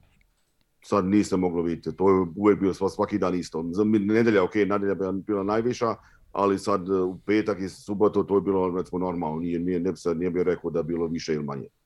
Da, dakle, svodi se opet na poene, što Deki kaže. Dakle, nema neke razlike u publici. Nije kao Silverstone prošle godine kada je bilo zaista sve prepuno po onome što smo mogli. Si bio prošle godine u Silverstonu? Nisam, prepustio Da, to, to, je, to smo svi videli zapravo da je bila baš ozbiljna gužva. Ne gužva, da su, to, to, to je bio jedan od najposećenijih vikenda. Pa Australija koja nije imala sprint, sprint format, je imala preko 400.000 ljudi. Tako da formula sama po sebi mislim da ima dovoljno gledalaca, ali Ima, okay. da. Pa dobro, Australija je specifična s obzirom da je I dugo se čekalo. bila u konzervi već godinama unazad, tako da dve, tri godine zaista Jest. su teško živjeli ljudi, jel? tako da su željni prosto da izađu, sportski po, ali jesu, pa to, da, to da to, budu, da budu napolje, da budu negde. Dobro, dakle, ovo se svodi iz naše perspektive na poene pre svega i Pa da. timovi traže veće budžete. Ali ovo si lepo rekao, Hasane, Pa ne pazi- možeš više samo kupiš novi boli. Da, ali realno ovo je najbolja sprint trka koju smo imali ikada. Da imali smo Da, naj, preticanje. najinteresantnije. Čekaj, ironija na početku. Imali smo Pereza, imali smo Sainca, imali smo, imali smo neke bitke koji su se vodile. Imao si Mika Šumahera koji je došao do 10. mesta u krajnjem slučaju. To je i njegova dobra sprint trka. realno. Jeste. Ali na početku trke, ono što mi je bilo fascinantno, prvi put u istoriji se desilo da je pobednik odlučen zapravo preticanjem u sprint. Pa je rekao, pa da. nemojte to da ističete ljudi, aman. To je kao nešto se monumentalno desilo. Posle četiri trke Pa ja imali mislim smo da trku. su svesno Pa istakli da, baš ali ispostavilo se da je stvarno bilo važno, da je, da je bila obrnuta pozicija Da, na bilo levoj i je. desnoj strani ovaj, staze, posebno sa ovom kišom, mis, mislim da bi drugačiji ishod možda imali. Jeste. Pa lepo si rekao, neki bodovi, to je, to je ono, i to Da. je ono što smo mi i, i pričali, mislim, nije, nije to sad neka, ne znam, filozofija neka. Da, sad i druge ekipe veći- mogu bolje da se Tako je, pripremaju, pa zato i- što mogu tu neki benefit da. Bravo, ima, imaš, imaš mnogo veći ulog, tebi osmo mesto donosi poen. Znaš, to je, je. nešto što možeš, ti osvojiš poen iz, ne znam, za Williams i ti si završio vikend. Lakše ti je možda i tu Tako da je. uradiš to nego da uradiš u trci koja je mnogo zahtevnija u svakom pogledu i taktički i, i kad je u pitanju Pa, pouzdanost traje, motora. ništa tako više je, ne moraš da, da ulaziš u to, da.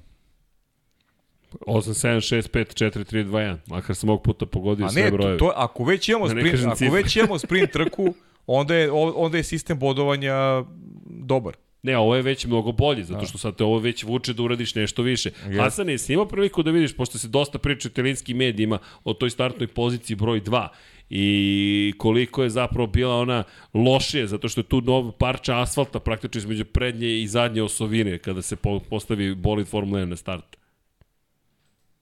To, to, to, to, ja bio sam gore na, na startnom tavoru, pa, pa se moglo to isto kadara vidjeti, da. Ali dole inače mi, mi nemamo ni tog prislika samo ako je onaj eh, walk ili nešto, onda možemo to pogledati, ali, ali ovako sa strane slikanja mi, ne, mi nemamo tog ugla da, da vidimo to. Da, zato što je to sada jedna od glavnih tema, ali ima istinu u tome, to ono što Deki rekao, ta desna strana delovala je lošije prosto. Prosto je delovalo da ko je na parnom broju će biti u većim problemima. Pogotovo ta pozicija broj 2 se ispostavila problematično. Da, Što baš nije bio slučaj u tim nižim kategorijama. Da. Da. Šta kažeš Hasan, izvini? Isto zato što je bilo mo, mo, mokrije ta, ta staza uvek da. još bilo nije ta idealno da, je da se ide prolit protiv toga, jer on su uvek išli, išli sa, sa drugim putem, ali to je, to je ostalo mo- mokro te ta pozicija. I vraća nas opet na tu koliko je bila važna pozicija zapravo u sprintu, to je ovo što je Deki rekao. I koliko je tu Red Bull odigrao važnu ulogu. Ali opet težak vikend, ti si imao, imali su i samo jedan trening, praktično se pripreme uopšte za, za zapravo sprint kvalifikacije. Jer ti si u treningu broj 2 imao prvu priliku da izađeš uopšte na staze koje se sušile. Tako je.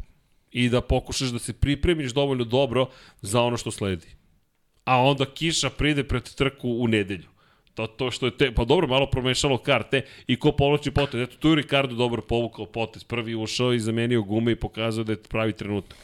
I mislim da su to svi čekali. Ko će prvi ovde da povuče potez. Ali pohvala, inače, e, nismo jednu stvar napomenuli, pre nego što se vratimo na Mercedes, od kojem je trebalo da pričamo. Ferrari koji je imao plan D, povukao potez, svaka čast, imali su i plan D i lepo su to odigrali do tog trenutka kada je pogrešio Leclerc i reakcija Red Bulla. Red Bull koji odmah rekao, ok, nema ovde razmišljanja previše, idemo na reakciju. Prvo Sergio Perez da zaštitimo ovde, hvala Vanja, eto ga taj potez, dakle, Leclerc menja prvi, odmah reaguje Perez, odmah posle njega reaguje Verstappen. Ostali nisu menjali gume, nije ni bilo potrebe, ali su sve eventualnosti pokrili praktično. Ja mislim da je trebalo reagovati zbog onoga što bi moglo da se dogodi kasnije, a to je eventualni izlazak sigurnosnog vozila, neka nepredviđena situacija na stazi koja bi Leclera sa mekim gumama favorizovala u odnosu na oba Red Bulla. A imali su dovoljno prostora da, da se zaštite jedan i drugi, mislim da je Red Bull ispravno, ispravno postupio, tako da su zatvorili trku na taj način, a onda je po svestu tu usledila i ta, ta Leclerova greška, tako da je Red Bull bodovno profitirao iz ove Što trke. nas opet vraća na važnost Sergio Perez. Da, Leclerova greška, samo da se setimo da i Perez imao grešku. Imao je prešao Jeste, pravo. pravo. Da, Tako i, je. i tu je u stvari Ferrari trebao i, i Leclerc da uvidi da i pored Perezove greške nisu u mogućnosti da, da ga ovaj Da ga, da ga sustignu. sustignu o, na, na, na dovoljnu distancu da mogu da ga napadnu u, u, u DRS zoni, tako da tu je u stvari treba da bude već razmišljeno o tom dodatku plana D da, da, da ne, e, ne forsiraju po svaku cenu da, da, da, ga, da ga obiću. Ljudi, da se vratimo mi na Mercedes. Šta ćemo s Mercedesom? To je konkretno Russell, Hamilton, Pa- razlike u, u performansama. Pa pazi, nema, nema, nema većeg udarca od, od rekao bih, highlightsa cele trke. To je onaj moment kad Max Verstappen par meseci kasnije obilazi Luisa za ceo krug. To je nešto što, ja ne znam da li bilo ko da li bilo ko pomislio da je moguće da se dogodi i to je slika koja pokazuje nemoć, rekao bih pre svega Mercedes. Ne, ne bih rekao Luisa Hamiltona, generalno Mercedes.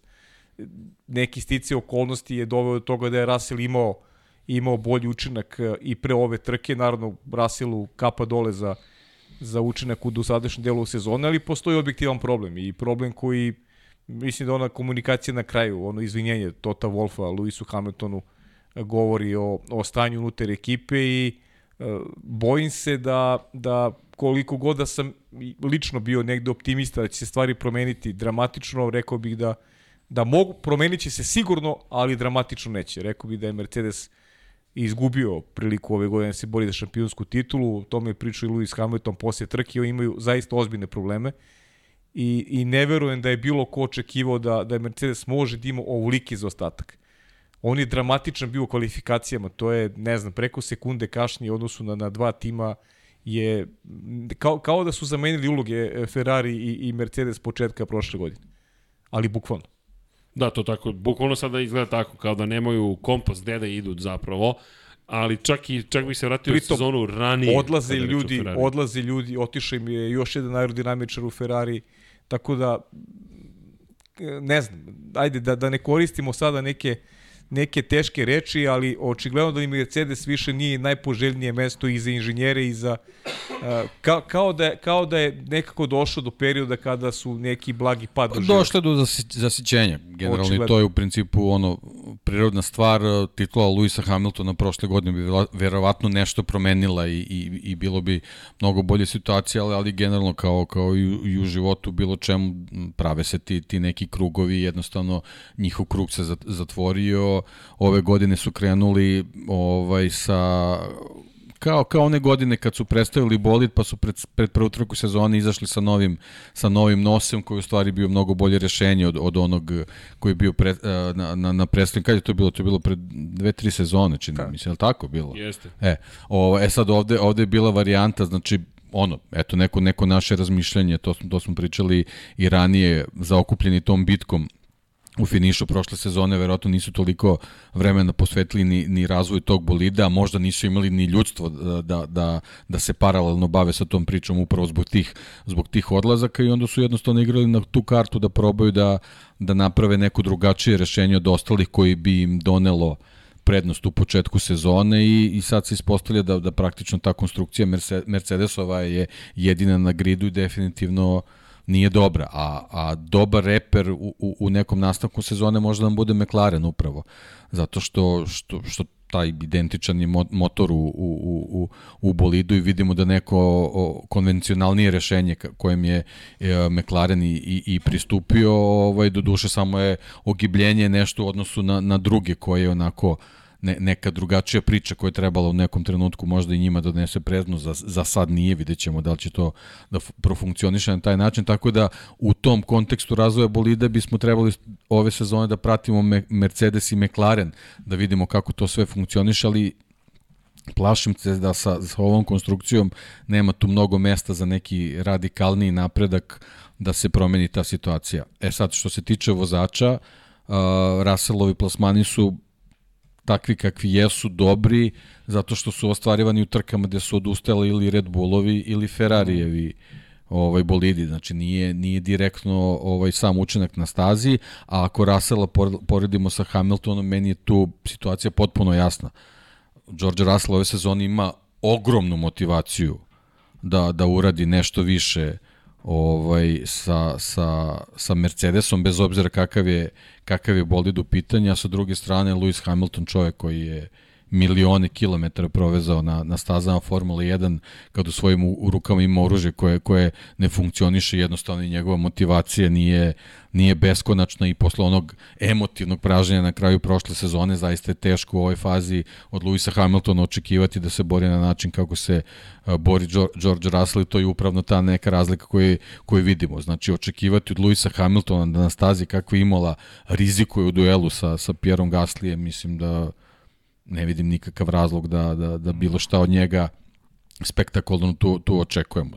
To je jednostavno meni ne, neko potpuno, potpuno normalno stanje stvari za koje sam uveren da neće dugo da traje. Da, inače, da, da prema pisanju, ono što je zanimljivo, prema, pošto je bilo dosta priča o tome ko je imao koje krilo, šta se tu događalo i prema pisanju autosporta i izjava, izjava Andrewa Šavlina koji je jedan od glavnih ljudi u Mercedesu zapravo, izbor samih, samog zadnjeg krila, dakle govorim inače o direktoru dešavanja, tehničkih, tehničkih inženjeringa na pokraj staze Šavlinu, rekao je da su testirali i jedno i drugo krilo i kod jednog i kod drugog vozača. Šta smo mi videli na početku sezone? Ako se sećate, Mercedes je sekao zadnje krilo, bukvalno, i na taj, na taj sečero krilo je dodavao eventualno grni flap, takozvano grni zakrilce, to je po čuvenom Denu Grniju zakrilce nazvano, koje pod uglom od 90 stepeni stoji. Jedno fenomenalno efikasno rešenje koje značajno povećava nizgun, ali je pojenta u tome da je to jedino što trenutno mogu da rade, a da ne donesu novo krilo na, na bolid i da kažu potrošili smo ono što si Hasane lepo rekao, određeni budžet, inače samo digresija, rekao je Ross Brown, jedan od glavnih ljudi Formule 1, da će verovatno biti povećan budžet naredne sezone, pošto se uzima u obzir i inflacija koja trenutno postoji. E sad, inflacija zaista postoji na globalnom nivou, s obzirom na činjenicu da COVID uticao negativno na globalnu ekonomiju i da cene, kao što svi možemo da vidimo, ja moram da kažem danas fenomenalna reklama za u nekom kafiću, prolazim pored kafića i kaže uskoro pivo jeftinije od goriva. I do, došli smo do tog stadijuma, bukvalno, ne zamerite, ali prosto mi zapalo za oko, ali tu smo negde, elem, sve je poskupelo, tako da verovatno će biti povećani budžeti, ne znam koliko će pomoći i kome će pomoći, ali činjenica Mercedes može da seče krilo, dodaje grni. Pa da, s obzirom na vrste materijala koji se koriste u Formuli 1, sigurno su značajne razlike.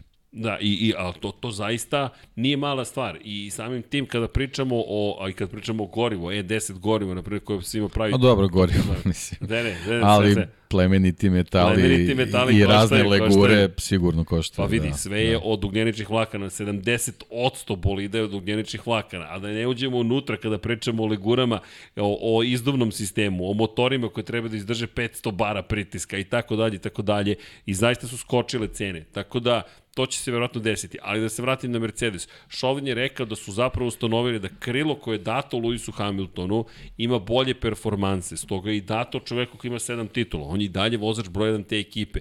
Međutim, nisu prosto sklopile kockice. I ono što si ti deki lepo rekao, George Russell je trenutno mega inspirisan.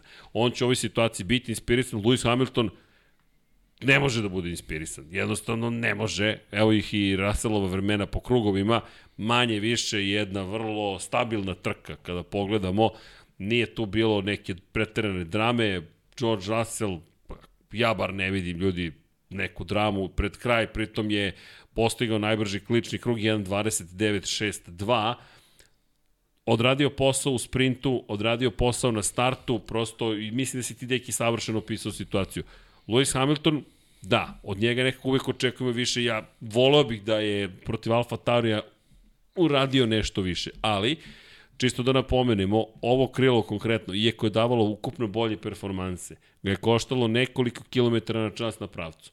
Na kraju ti kilometri na čas, tih nekoliko kilometara na čas, deluje mi da je bilo kritično. Ovako smo dobili praktično beskonačnu reklamu za Alfa Tauri, Pjera Gasly koji se nalazio ispred i Alex Albona, koga takođe Pjer Gasly u Alfa Tauri nije mogao da napadne. I da se vratim ono što si rekao tokom prenosa, šta je rekao Fernando Alonso, što Gasly ne napada, Gasly deluje da je mnogo rezervisaniji, ali doćemo do Alfa Tauri, Mercedes je mnogo veća priča, nemamo predstavu kako mogu da se izvuku iz ovoga, ja mislim da se ti Paju pravo da će da će ovo biti, mislim da je Barcelona poslednja stanica, zaista ponovit ću, još do Barcelone x puta, tu, ako ne dođe bolid, koji jednom magično rešava stvari, jer Mercedes stalno ponavlja, još jedna stvar da rešimo i onda će se desiti veliki skok u vremenima, ja ga ne vidim, iskreno. Pa ne, super ako, ako imaju rešenje da, da, ne znam, magično se rešavaju stvari. Ja, pazi, Mercedes će se vjerojatno boriti za podijum. Evo, evo ga McLaren na podijum, posle onakvog starta.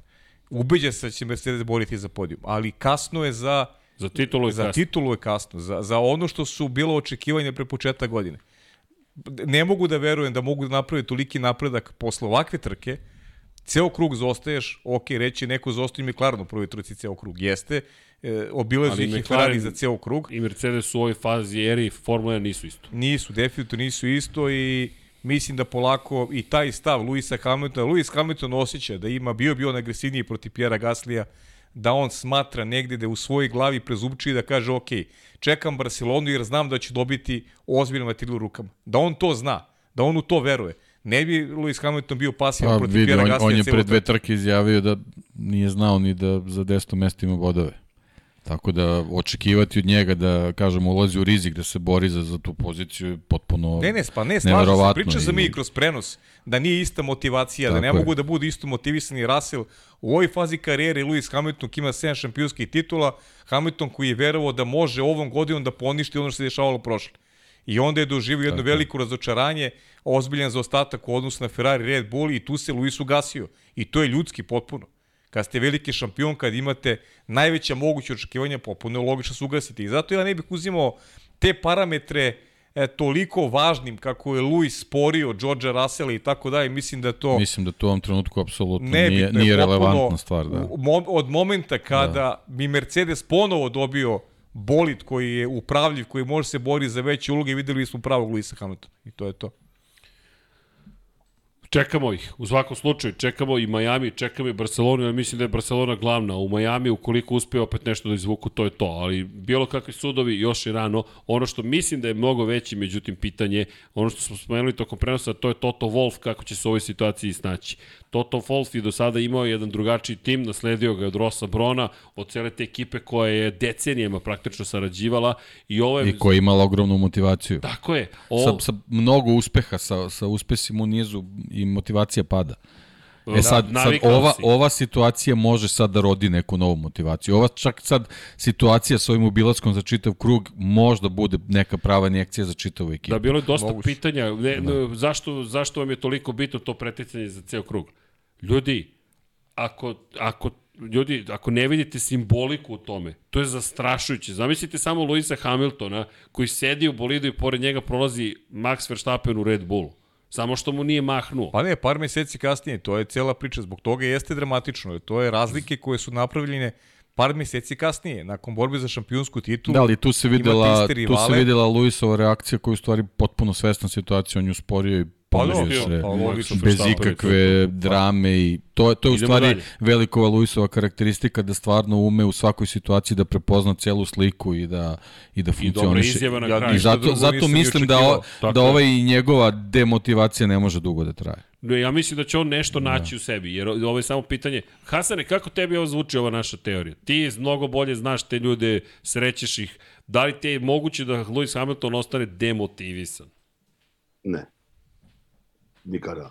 On, to je to. On ima, on, on ima, ima svoje, naravno, privatno, on, on je u modi i šta ja znam sve radi, ali kad on obuci to odijelo i go na glavu, uh, mislim da je on najsrećniji da, da, da to uradi i, i on je toliko profesionalac da, da neće sigurno da ga demotivira da, da, da recimo kao što je bilo s novinara koji priča da, da je najbolje da, da prekine i da, da on, on hoće tu, tu osmu titulu, to sam uveren, i e, naći Mercedes nek, neki put, ka, možda ne ove godine, ali, ali za, za drugu godinu možda će, nadam se da, da, da će biti bolje i da on, on neće tek tako da, da ode sa, sa ovakvom situacijom. On nije taj tip za to. Pa to, to, to, ono što deluje sa strane, meni je nemoguće, što, što svi ovde govorimo, da odjednom Lewis Hamilton kaže, ma ne, ja sam se predao. Nema šanse da se ma predao. Čovek koji u svemu nalazi u izazovu. Ja mislim da je sad samo pitanje što kaže neki, šta će On biti? On samo ne želi da troši energiju u ovoj situaciji. Mislim to da je to, to u stvari tako, glavna tako stvar. To je to. Ma, mislim da je racionalan vrlo i trezven i, i kada pogledamo zapravo njegovu reakciju posle trke, meni ono bilo sjajno, na nivou onoga što je uradio na kraju prošle sezone. Izašao na pobjedičko postolje, bez obzira na svoje mišljenje koje izrazio u prenosu, čestitao, sačekao da počne proslava i otišao. A dakle, pazi, krajnje gospodski. Koliko to celom svetu delo, pa i nama, evo, meni zaista to dramatično izgleda kada vas neko, kada vas najveći rilo prošle godine bilo za ceo krug, to može da, da dobije malo drugačiju konotaciju. Ali dešavalo se to i ne, ne, drugim šampionima u istoriji. Da. Ali, ali šampion koji može na taj način da pošalje poruku timu. Zar želite da budemo ovakvi? Znaš, to, to, to može da, da, da, okrene, da okrene neku priču e, kada je Mercedes u pitanju, jer ajde da postoje ovako stvari. Kako se osjećaju ljudi u Stuttgartu? Kako se osjećaju ljudi u fabrici koji vide da, da, da, da njihov proizvod onako izgleda na stazi da da ih rivalo bilo za ceo krug. I ne samo, ne samo Max Verstappen. Sad nismo ili taj moment, ali e, približavali su se ona borba Pereza i, i, i Leklera nas je nekako, tada je Lecler izleteo sa staze i, i Perez imao šansu da obiđe, da obiđe Luisa Hamiltona za ceo krug. Ako to i nije uradio, a, a nismo, nismo taj detalj ja mislim, negde zabeležili. se približio, pa posle one promene se, da se udalji. Tako je, približio se, ne znam da li uradio, ali nije, nije to toliko ni bitno, ali kaže, može ta cela priča da okrene situaciju, jer to može da bude i dobra poruka Luisa Hamiltona. Ljudi, ili vidite na, na šta mi ličimo? Tako je. Hoće neko da uradi nešto da mi više ne izgledamo ovako očeni u duelu sa konkurencijom. Tako da, vidjet ćemo šta će sve biti nakon, nakon uh, ove trke. Negde verujemo svi da će Mercedes biti bolji, ali utisak, moj utisak je da koliko god da sam pričao, insistirao na tome da će se Lewis Hamilton uključiti u borbu, sada više ne verujem da, da je ta borba za titulu moguće, da se sve svodi na na dvojicu vozača, na Leclerc i Verstappen. Da, za sada ne odustaju od razvoja ovog bolida, ovog bolida bez bočnih ivica. Ispostavilo se da je Ferrari koncept za sada najbolji, ali vrlo sličan i Red Bullov, tako da oni mogu biti zadovoljni, ali ono što ja mislim da je sada, ako već znate da je sezona takva kakva jeste, samo moje rezonovanje, Inače, Niko Rosberg koji je kao komentator dosta kritikovao Luisa Hamilton, rekao da ne može dozvoli sebi da je toliko ispred njega George Russell, ja bi se složio deki s tobom, pa i sa tom, pa je. Ljudi, ovo neće, piše se sada Ralf Schumacher je prokomentarisao kako će se promeniti hijerarhija u Mercedesu. Nema šanse. Pogotovo ne u ovom trenutku da se desi promjena hijerarhije, kakva hijerarhija? Hijerarhija u borbi za Ja kažem mesto. samo, mislim, to je sad opet stvar neke perspektive kako se gledaju ti rezultati, da je George Russell bio osmi, a Lewis Hamilton 14 to bi bilo potpuno svejedno. Ovako, George Russell je u dve trke, mislim, ne želim uopšte da, da, da ovaj, ni podaštavam njegov rezultat, mislim, stvarno je uh, u nekom Uradio trkačkom tempu došao posao. toga. Ali ponavlja, on je do tih visokih plasmana došao u trenutku kad su odustajali vozači Red Bulla ili kad su odustajali ili imali loše plasmane vozači Ferrarija. I zbog toga je njegov taj plasman malo više apostrofiran u odnosu na, na Hamilton. Da, da su Red Bullovi vozači Ferrari završavali te trke George Russell bi bio niže u plasmanu Šesti, i niko, sedmi, niko to ne bi, ne bi notirao u, u tom smislu koliko je mnogo bolji od Luisa Hamiltona. pa, Apsolutno nije, nego jednostavno poređenja. George Russell, George Russell vozi, vozi na način kako je vozio i Williams, znači apsolutno motivisan, dok sa druge strane Lewis Hamilton ne ulazi u nikakve rizike dok, dok ne dođe situacija da ima razloga da, da tako nešto radi. Da. Tako e da, sad, opet sad postavljamo stvari iz još jednog ugla, to smo opet pričali tokom prenosa. A, negde smo poredili Vettel i Ricarda sa ovom situacijom u kojoj su, u kojoj su Russell i Jeste. Hamilton. E, šta se dešava ukoliko Mercedes ne pronađe trunku poboljšanja, odnosno u ono što je standard ove godine? I ti, da li Lewis Hamilton ostaje demotivisan kao što je sada, pa vozi do kraja sezone. Šta se u toj opciji dešava kada pričamo o nekoj percepciji Mercedesa, šta će im u krajnjem slučaju demotivisani Lewis Hamilton, šta će Lewisu Hamiltonu, Mercedes koji ne može da napreduje u odnosu na Red Bull i Ferrari i tu onda može doći do neke tačke pucanja na nivou a, Apsolutno da, tim znamo, vozača. znamo način kako je Lewis Hamilton stigao u Mercedes. Tako je. On jednostavno bio u ekipi koja mu nije pružala ono što Tako su je, njegove ambicije i on je, on je vrlo lako ovaj, otišao tamo da je dobio uverenje da, da će biti sve onako kako on želi, tako da sa, sa svojom reputacijom i, i, i sa, svojim, sa svojim CV-em apsolutno ima pravo da, da tako razmišlja. Znači na, na Mercedesu i čak i ako u nekom trenutku odustane od, od razvoja ovogodišnjeg bolida, da mu pruži sve garancije da će sledeće sezone dobiti ponovo konkurentan bolid. Ako on što- ne bude uveren u to, mislim da, da nema tu, tu mnogo priče. Ali je. ja, ja Kraj. mislim da ja mislim da će se da će se sve to dešavati sledeće godine. To jest zašto? Ovo je ljudi nova era Formula 1. I ja mislim da to igra vrlo veliku ulogu u celom ovom odlučivanju. Da smo u istoj eri kao prošle godine i da se ovo dešava, mislim da bi to onda bilo kataklizmično. Ovako, ti si izabrao jedan koncept koji za sada deluje da ne radi. Međutim, i to je ono što sam htio da kažem, ako si Mercedes, rizikovao si sa bolidom koji nema te bočne strukture. Dakle, imaš jednu raketu, praktično svi smo se uplašili rakete kad smo je videli, rekli smo, opet je Mercedes nešto uradio i opet ćemo imati istu situaciju, neće niko moći da parira jednoj ekipi. Pa se činilo Ferrari da bi mogao da dominira, ne. Imamo dve ekipe koje su vrlo ravnopravne. Dakle, nije bitno da li dominira Mercedes, Ferrari ili Red Bull, treba nam neizvesnost, kao prošle godine, kao što imamo i ove godine. E sad, Mercedes, zašto mislim, i tu se slažem sa njima da je rano odustati od koncepta. Ajmo da vidimo verziju 1,2, 3, 5, koja god da stigne u Barcelonu, i ukoliko tu nađu pomak, možda je ovo dobra osnova za nešto što će izgraditi do 2023. Sve okej, okay, ali, da. ali oni moraju Luisa Hamiltona da uvere Da da, da, u da se on Tako. uveri da će to sledeće godine Tako je, biti okej. kako treba. Jel samo, samo da, ta, jel, mislim, on je, on je, čovjek je već i u godinama, U godinama, znači on tako nema, je. ne može on da, da gubi dve, tri sezone, posebno ako ima ambicije da, da, da ostvari još neke stvari u Formuli 1 koje želi da On ostvari. je taj koji može da bira i dalje. Znači on, on i dalje sigurno rečeno. nije, sigurno nije u situaciji, ne znam, da uživa u Formuli 1 kao Fernando Alonso, ko što uživa. To jednostavno nije, nije njegov stadijum karijere. Da, ni, ni, ni, ni, blizu toga. Oni u ovom momentu su na ne, nekom potpuno drugom nivou. Tako je. No, kao što smo pričali malo pre Perez, Ricardo, imamo sličnu situaciju i ovde. Niti mislim, niti mislim da će da će Lewis Ha- Hamilton da u bilo kojoj fazi svoje karijere radi ono recimo što Sebastian Vettel sad radi. Što je opet jedna vrlo interesantna tema. Ali dobro, doći ćemo od toga da zaključimo priču mi o, o, o Mercedesu. Mercedes, ljudi, ko navija za Mercedes, Luisa Hamilton ili Georgea Russella? Možete samo da čekate. Hasane, ne znam da li se ti slažeš sa nama, ali ja mislim da ovo sada strpljenje samo. Da, ništa drugo. Znaš, ja ne vidim, ne vidim da ovo je sada sezona Ferrari i Red Bulla. I bitka između njih, ko će biti bolji na svim nivoima.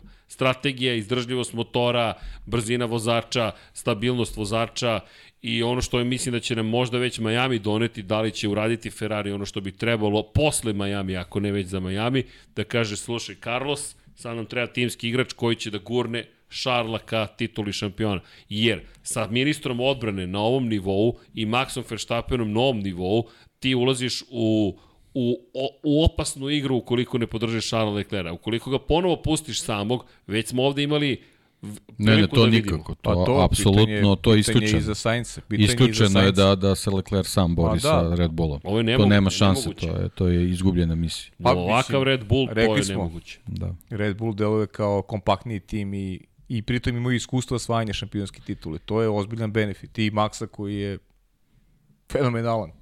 Ta, ta Just. njegova serija traje. On, ovo je on, opet, on kad završi trku, on pobedi. Pa ljudi, Prošle je... sezone kad završi trku, on je na podijum. I to je ono čemu to smo je, pričali. To su, to su neverovatne brojke. Ako tražite potvrdu, dakle, velikih šampiona, pa se priča o tome imali su bolid, imali su bolid. Ne ide to tako lako. Ne ide to tako lako, ovo je još jedna potvrda koliko su veliki. I Lewis Hamilton, i Max Verstappen, i velikani iz prošlosti. Kad se priča o Michaelu Schumacheru, pa Ferrari, Ljudi, to je Mark Weber, to je Mark titula. Weber najbolje rekao. Yes. Mark Weber najbolje rekao. Ja sam možda mogu jednom da budem šampion, da iskoristi potencijal bolida, ali kada se ponavljaš, to je, to je dokaz, dokaz vrhunskog kvaliteta i ne postaje se šampion tek tako. Bukvalno se ne postaje tek tako. I to je ono što Leclerc mora da nauči. Max Verstappen već zna i Verstappen samo nastavlja. Jer mi ako pogledamo da nije bilo odustajanja, pa čak i kako pričamo o prošloj godini. Pa znaš kako, da nije, da nije bilo Maxa Verstappena, ne bismo mi sada pričali možda ovako ni o Mercedesu.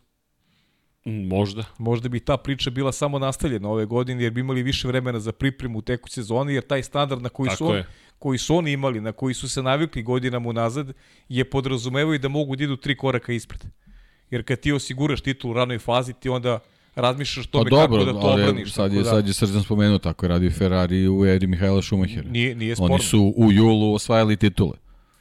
Tako Bukvalno, ti osvojiš titulu u julu i kažeš, e, idemo na sledeću sezonu. Pritom, već si u razgovoru s Bridgestonom, već znaš kakve će biti gume sledeće godine, tako dalje, tako dalje. Red Bull je zaustavio Mercedes u nekom kritičnom momentu pred taj ulazak u, u, u novu eru i I, sad i, i ose, osjećaju posledice te naporne godine koje su, koje su imali u, u trci sa, sa Red Bullom čite Maxom. E sad samo i Ferrari... Mislim da, je, da, je, da je osipanje ovaj, inženjerskog kadra da. možda i veći problem. Navikli su oni na istrpljuće trke, to nije i, i duela, ali mislim da je osipanje, da je to u stvari bio veliki problem. A bukvalno su im glavu ocekli, jednostavno ti yes. uzimaš glave, ti uzimaš ljude koji ti uprav, koji razmišljaju o tome šta treba da se uradi i ti sada imaš neke momke koji, devojke koji stižu na te pozicije, ali nisu imali priliku ali, ali da nisu imali ni ovakvu sezonu kao nisu. prošlu protiv nekih Brutalno. rivala. Nisu imali takvu sezonu koji im je onako prosto nisu, nisu navikli. Nisu se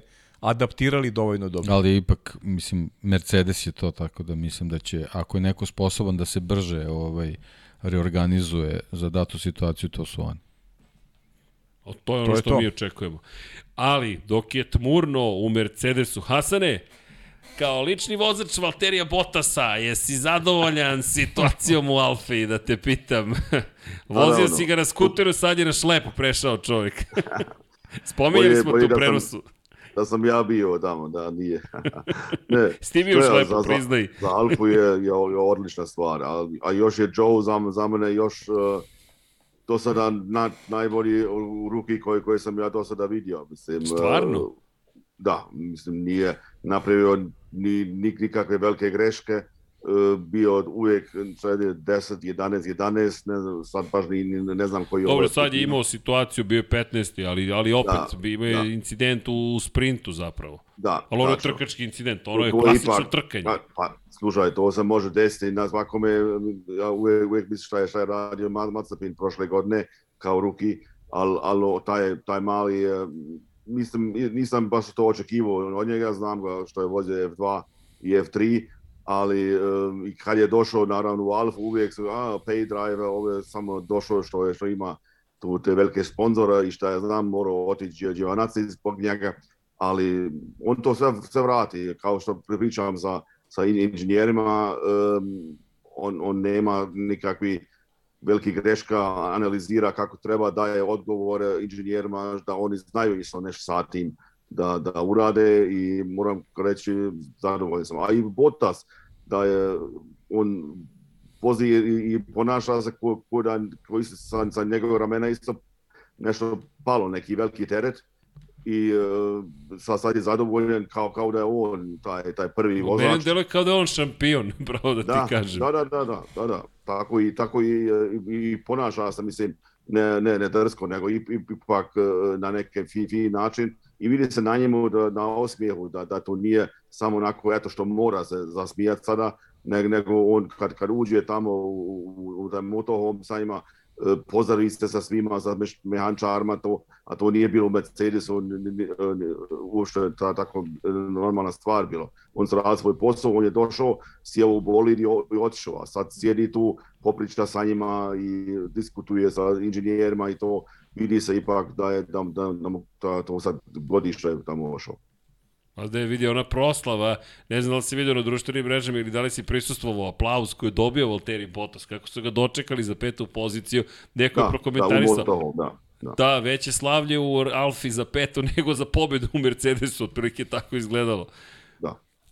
Ali Valtteri... Su za, zadovoljni da. sa tim i Alfa zna, možda i oni nisu očekivali baš da će tako biti bit dobri, ali eto, svaka čast šta, šta uradi, a i Bottas vozio svoju trku bez, bez ikakvih vel, velikih grešava, ja nisam nisam vidio, pa i, završio kao, kao peti, to je to super pojeni za, za Alfa.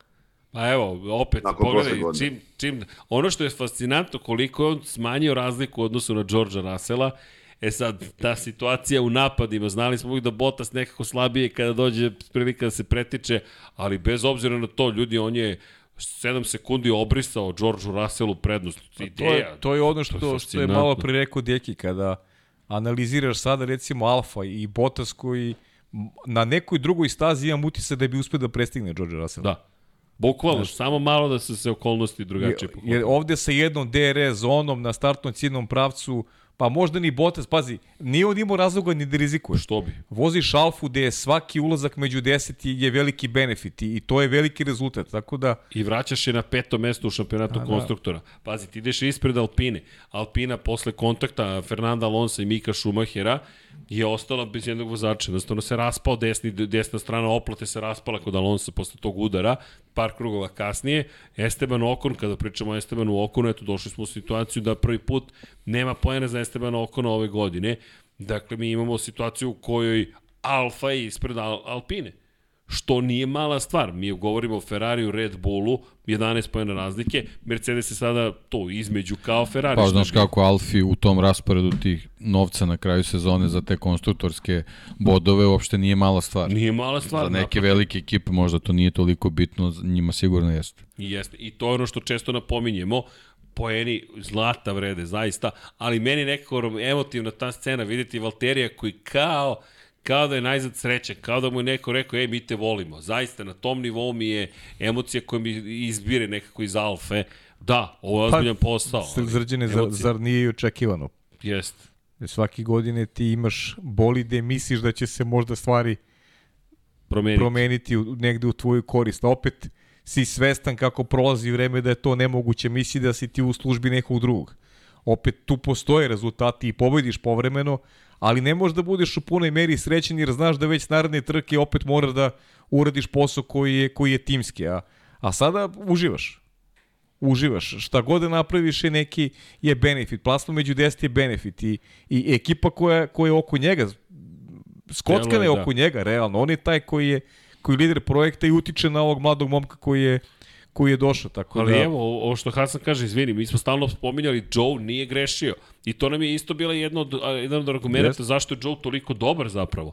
Nije bilo velikih grešaka. Pa znaš kako, Alfa Romeo je ovaj, u ogromnom plusu ove sezone. Prvo je dobio definitivno agregat koji da, funkcioniše, jer pre svega po Hasu vidimo da, da je to je motor u stvari koji, koji donosi prednost.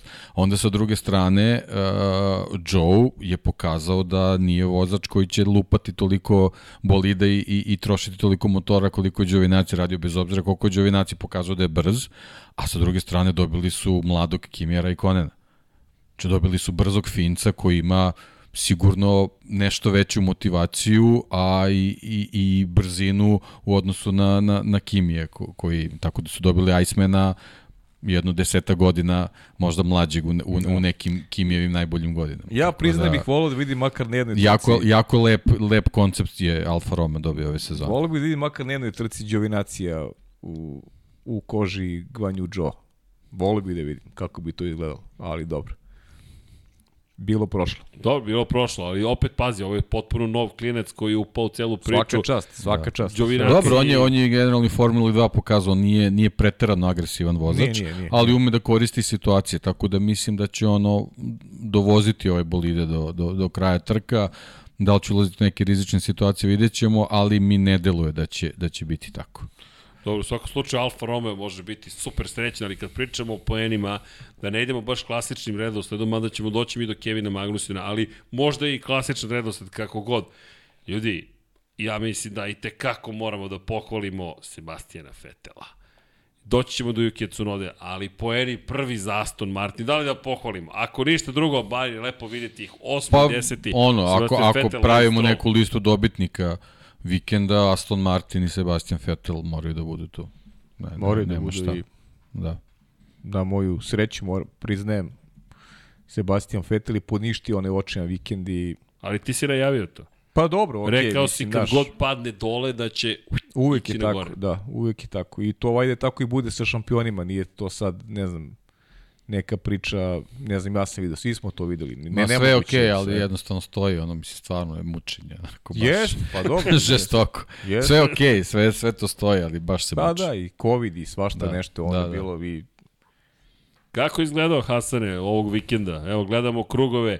Pa nema, Vanja, pogledaj ovo. Svaki put kada dođemo od toga da je neko sam na sta, da je staza, ovo je sve izravno, to jednostavno da. nema mrdanja. Ti si došao do nekog pozicije i to je to, smanjiš vremena posle pit stopa i onda ravno ošišana trava.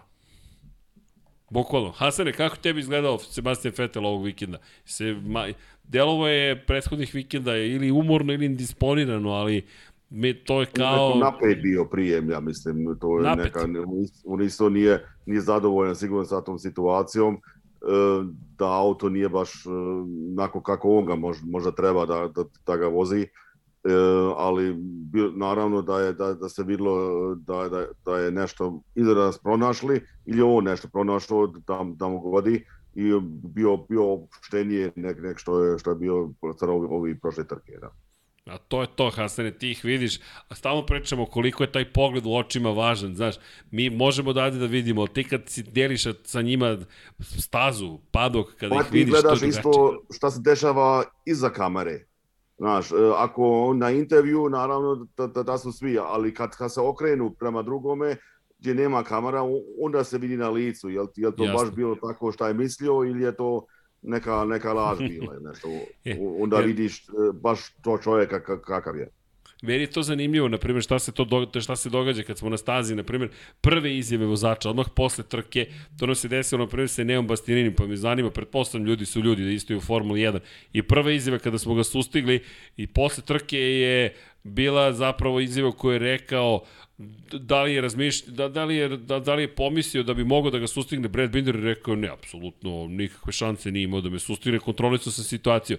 Bukvalno 15 minuta kasnije, globalna konferencija za medije, isto pitanje, jel misliš, Pa da, gotov, mogao je sigurno da me sustigne, sada već, znaš, ne otkrivate, a, a Binder sedi pored njega i još jedna info, ko zna, da li, će, da li želi da delite informacije da je kontrolisao toliko stvari, nego je samo rekao, pa, da, sigurno je Brad moga, a Breda smo pitali si mogo da ga stigneš, rekao ne, nije bilo šanse da ga stignem, onda opet iste izjava u konferenciji za medije, pa možda da sam imao još koji krug, mada je Binder tu rekao ga, i zanima me, slična situacija, pretpostavljam, s vozačima Formula 1. Naravno, to, to je isto. Mislim, drug, drugačije je ono, on, kad, kad iz, iz prvaga, on, on će tebi drugačije pričati nego, nego kasnije, jel i on se sa timom popričao ili, ili, ili bi vidio možda podatke i šta ja znam te analize i onda on mišljenje malo se menja, naravno, to je svakak isto.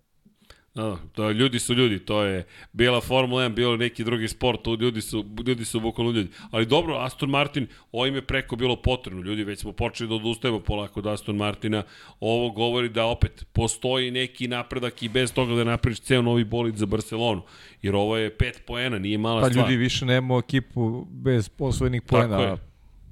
Imamo vozače bez poena, ali dobro, doći ćemo do njih. Da, polako. Imamo dva stalna vozača koji još nemaju poene, Mik Schumacher i Nikola Latifi. I apropo Mika Schumachera, Haas, Kevin Magnussen zlatna medalja. Ja mislim da Kevin Magnussen ponovo odradio neverovatno. Kakva je tamo atmosfera u Haasu? Gintera Steinera upoznali smo preko Netflixa, ali je li Ginter Steiner ne. stvarno takav? Jes, njega obožavam. Mislim, mi, mi, mi, mi smo, kako se kaže, vaccination brothers. Mi smo bili u Bahreinu, u prvoj i drugoj vakcini smo bili u, za isto vrijeme, pa smo se upoznali još malo bolje nek što smo se znali prije. I za dan danas se smijemo uvijek kad... kad da, kad i nemate jezičku barijeru, da. Da. On je najbolji, kažem to. On je nako kakav je u Netflixu, on je tako u životu. On, on kad, kad kaže nešto, on to, ili ti misli se, ili je to tebi sad odgovora ili ne, ali, ali on te, tebi, tebi to rekao. I, i naravno da je, da je zadovoljan. Ne, ne, pa ovo izgleda fenomenalno, pa svi pričaju o tome, čim je pala kiša da su Hasu bili ubeđeni i stižu poeni. Kevin će da. ovo da iskoristi. Da, a i on je se promijenio. Ja znam Magnus na isto prije i kod McLarena kad je bio i sad i u Hasu, ali uh, isto bilo malo, malo drugačiji karakter, kao, kao im, im, otac što je bio. Ali sad on je došao što na, na, na, taj, na to mjesto gdje uopšte nije mislio da, da će doći ikada. I, I izgleda da je on kao meni čini kao Alonso, da je, da je, da je malo odrastao, da je, da je omatario i da ipak vidi to malo drugačije, ne, ne onako ko neki mladi vozač da se mora pokazati. On je dobio taj, taj, to sjedište i kaže, eto, tu šansu sam dobio kao da sam dobio na lotu i sad ću napraviti na, najbolje od toga opušteno. I tako vozi i tako se i ponaša sa, sa nama. E, to, to, to je super čuti. Sazrevanje uživo, što bi se reklo. Da. Ok, Fernando da. Alonso je malo stariji, ali za Kevina Magnusera, e, ali zanimljivo je kad kažeš Jan Magnusen, njegov otac, on je, je li on isto bio, pošto mi kažeš da je bio više liči na otac, na oca, je otac bio malo... Da e, nekako, neću da kažem, prostroži ili ne znam, kada imamo pristup bio malo drugačiji. Pa danci su inače kao svi iz Skandinavije, znaš, kao Hekinen ili tako kako oni bili, ipak su malo za sebe, šute i odgovaraju na pitanje, ne, ne, ne, nako izađu iz sebe, ne, nemaš ni neki gest, neki veliki da vidiš kad pričaju, ali uh, ipak uh, on, on je gledao da, da, da u, u bolidu pokaže šta zna, šta zna za, zato je tu doveden. A uh, njegov otac je isto, mislim, malo šutljiv bio. Kad on je radio svoj posao i kad, kad je neko upita, odgovori i to je sve. Ali sad Magnus, njegov, sad Kevin isto tako bio, ali, ali sad kad je ipak počne on sam nešto da priča, kad ima intervju, neko, dobije neko pitanje i od tog pitanja ide na neku drugu temu, sam od sebe. Nije da, se smeje. Da, da, da, tačno, i to nema. Samo se ide, smeje u, u, u Bahrajnu, bio sa, sa ženom i, i, i malo što je sad dobio malu djevojčicu i igrao se sa njima i po pedoku i mi smo igrali se tamo, tamo sa njima. E, to, to recimo prije dvije godine kad je vozio sa Haas, to, to ne bi nikada uradio. Dobro, to su promene, postoji i tata, vratio se tamo gde što ti kažeš nije očekivao da će ponovo biti. Pa dobro, to sve dobro zvuči, romantično gotovo zvuči i super je odvezao, dva poena osvojio dodatna, čovjek je u stvari tri poena, on je bio osmi zapravo u, u sprintu. Da, je, tu su možda pogrešili malo sa strateški sa, sa pneumaticima u, u sprintu i pa sam je možda, rekao, kad, možda je kad mogu je, i tu kad je stao da. na startu, kad, kad su od, otkrili gume, da je on bio jedini koji na tim gum, gumama bio, kaže, uh, možda sam pogrešio sada. Dobro. Pa da, Ali... Među, od deset vodećih jedini on bio na srednje tvrdim gumama, svi su ostali da. na mekim i onda mu je bilo Tačno. teško da, da, da, da čuva pozicije. I dobro je na kraju što uopšte osvojio poen. Da. Dobro. Ali ga je osvojio. ali ga je osvojio, to je ono što je dobra stvar isto. Ne, a vidi, tri poena velika, sad svaki poen naravno zlata vredi kao što smo rekli, ali udušenju sam zaista Kevinom, ali mislim da nema osobe ko nije. Nekako Valtteri Bottas i, i ove godine i evo koleginica iz prodaje krajnje zadovoljna. Vi ste 30. koleginici, jel da? Ponosno, 3 da, ok, ovaj, izabrala je Valterija Bottasa i Kevina Magnusena, ali tako, u svom Dream Teamu, da otkrijemo malo, ne, fantastično, ali činjenice, Valtteri Bottas, Kevin Magnussen kao neki romantičari u celoj ovoj priči, vratili se ljudi i iako to nisu više borbe za pobedi, nisu u tim najvećim timovima, mnogo to lepo izgleda. Ali, drugi vozač Hasa, Mick Schumacher, opet nekako pehovi i greška na start, incident na startu, ne mogu da razumem greškom, a dobar je bio u sprintu, napredovao taman koliko Ja sam trebalo. ubeđen da će u drugom delu sezone Mick da bude, da bude bolji, da će, da će da ga povuče Kevin Magnussen. E sad, problem je za njega što su mesta zatvorena u Ferrariju i što ja zaista u njegovoj budućnosti, bliskoj budućnosti ne vidim da će se nešto bolje otvoriti od, od onoga što je Haas. E sad, veliko je pitanje kako će Haas res, rezonovati u, u budućnosti. Ok, zavise u mnogom od Ferrarija i, i oni i poštuju ono što su neke, neki proktivi Ferrari, ali ne zaboravite ljudi, dolazi neki novi momci iz Ferrarijeve akademije, nije dovoljno samo to što se uh, Mik preziva Schumacher, mora da počne nešto i pokazuje na stazi da bi, da bi imao neku, neku lepšu budućnost. Za sada stvari ne izgledaju realno dobro, i ukoliko ne iskoristi, mislim da je za njega super što je došao Kevin Magnussen, jer ima na koga da se ugleda, ima, ima ko da ga povuče u timu i a, a, postoje rezultati neke vrednosti kojima mora da teži. Za sada on to ne pokazuje, ali iskustva iz ovih nižih serija jasno sugerišu da je da je Mik uvek uspevao da da bude bolji u onoj drugoj fazi šampionata. Ja zaista, evo ponavljam se, verujem da će to biti slučaj, ali sam negde i zabrnut za to šta njega čeka u nekoj, nekoj bliskoj budućnosti, jer ne vidim da mu se neko mesto može otvoriti u skorije vreme. Pa, upravo si potpuno, ovaj, mislim, veliki problem prošle sezone je bio što on u stvari nije imao nikakve repere da vidi gde je to što je bio brže od Mazepina, nekako je bilo je očekivano, bio je brži u Formuli 2, Formuli 2 tako, da, tako da to nije, to nije bila neka, ne, ne, ne, neki, neki dobar orijentir.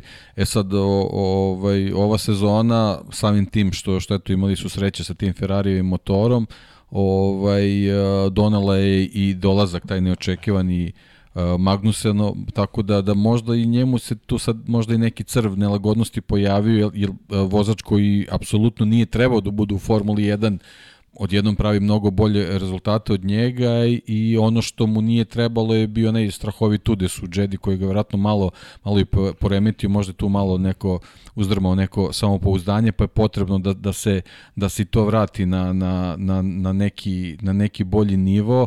Uh, i mislim da će to isto isto doći doći vremenom posebno što ova trka možda nije bila ni dobar reper prvo smo imali Australiju na kojoj nikad nije bio mislim potpuno je ovaj nezgodna, nezgodna je sasvim priča bila da se posle takvog incidenta kako ima u Jedi da se tako brzo vratiš, a opet sa druge strane Imola je, je specifična staza bila već već je samo po sebi, a, a bila je posebno specifična zbog vremenskih uslova i tako dalje, tako dalje. On je, on je na, na sprint kvalifikacijama pokazao da može da, da neke ovaj zahteve ekipe ispuni i, i da bude brz, ali u, u budućnosti će mu biti potrebno da osim te brzine bude i konstantan u bodovima i između oslo konstantan. To je ono što je što je za njega važno. I sad koliko će moći da drži korak sa sa Magnusenom, to je u stvari sad pravo pitanje za njega koji će se ticati i te njegove budućnosti budućnosti kao što si rekao, ali ali generalno mislim mislim da mu je mesto u Formuli 1 ovaj a sad je na njemu da da da sa sa tim s čim raspolaže dođe na neki nivo koji koji zaslužuje posebno zato što se bori protiv čoveka koji nije treba da bude u Formuli 1. To je ono što je u stvari njemu, njemu sad trenutno glavna prepreka. Ajde da budemo realni, da, da nije to Mick Schumacher, da je to da. bilo koji drugi momak koji je došao iz, iz Formule 2. Kako, da li bismo uopšte pričali o, o, o, o njemu kao, ne znam, vozaču koji ima tu potencijal koji tu treba da ostane, jer ruku na srce on ništa nije pokazao da bi ga zadržalo u Formulu 1. On to tek treba da pokaže. Tako je. I ukoliko Tako ne bude uspevao da pronađe način da da parira rezultatima Kevina Magnusena, pa čak ne mora to da bude u kontinuitetu.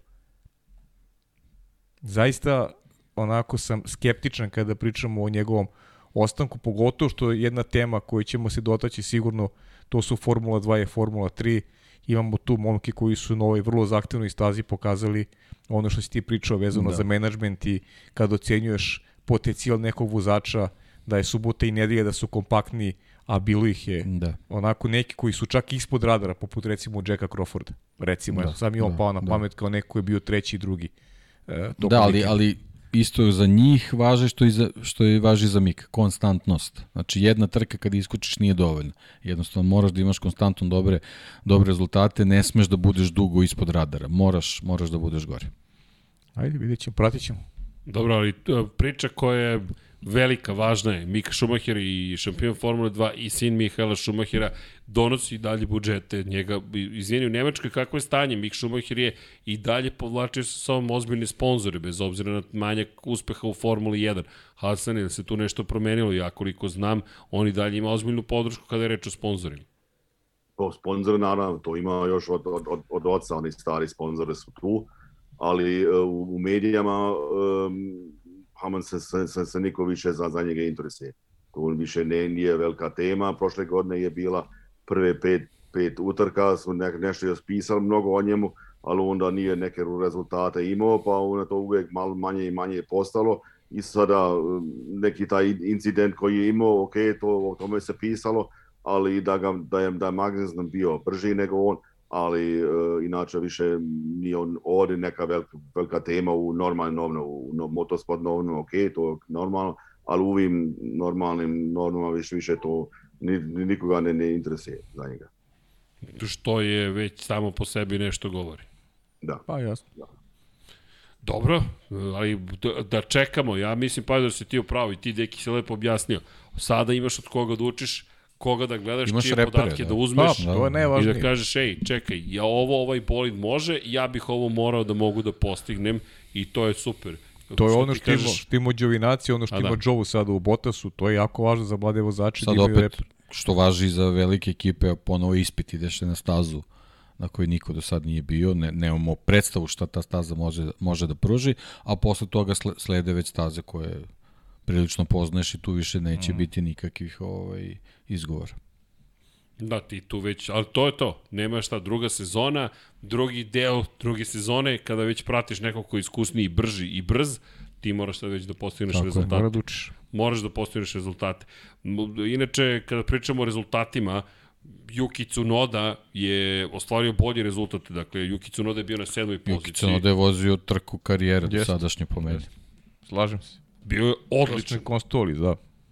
I ok, ovo nisam očekivao, pošto ja sam nekako lobiram za Jukija, ali da, Juki mi smo, da, mi smo onako, za razliku od tebe, mi znamo da ovako udarimo po Jukiju.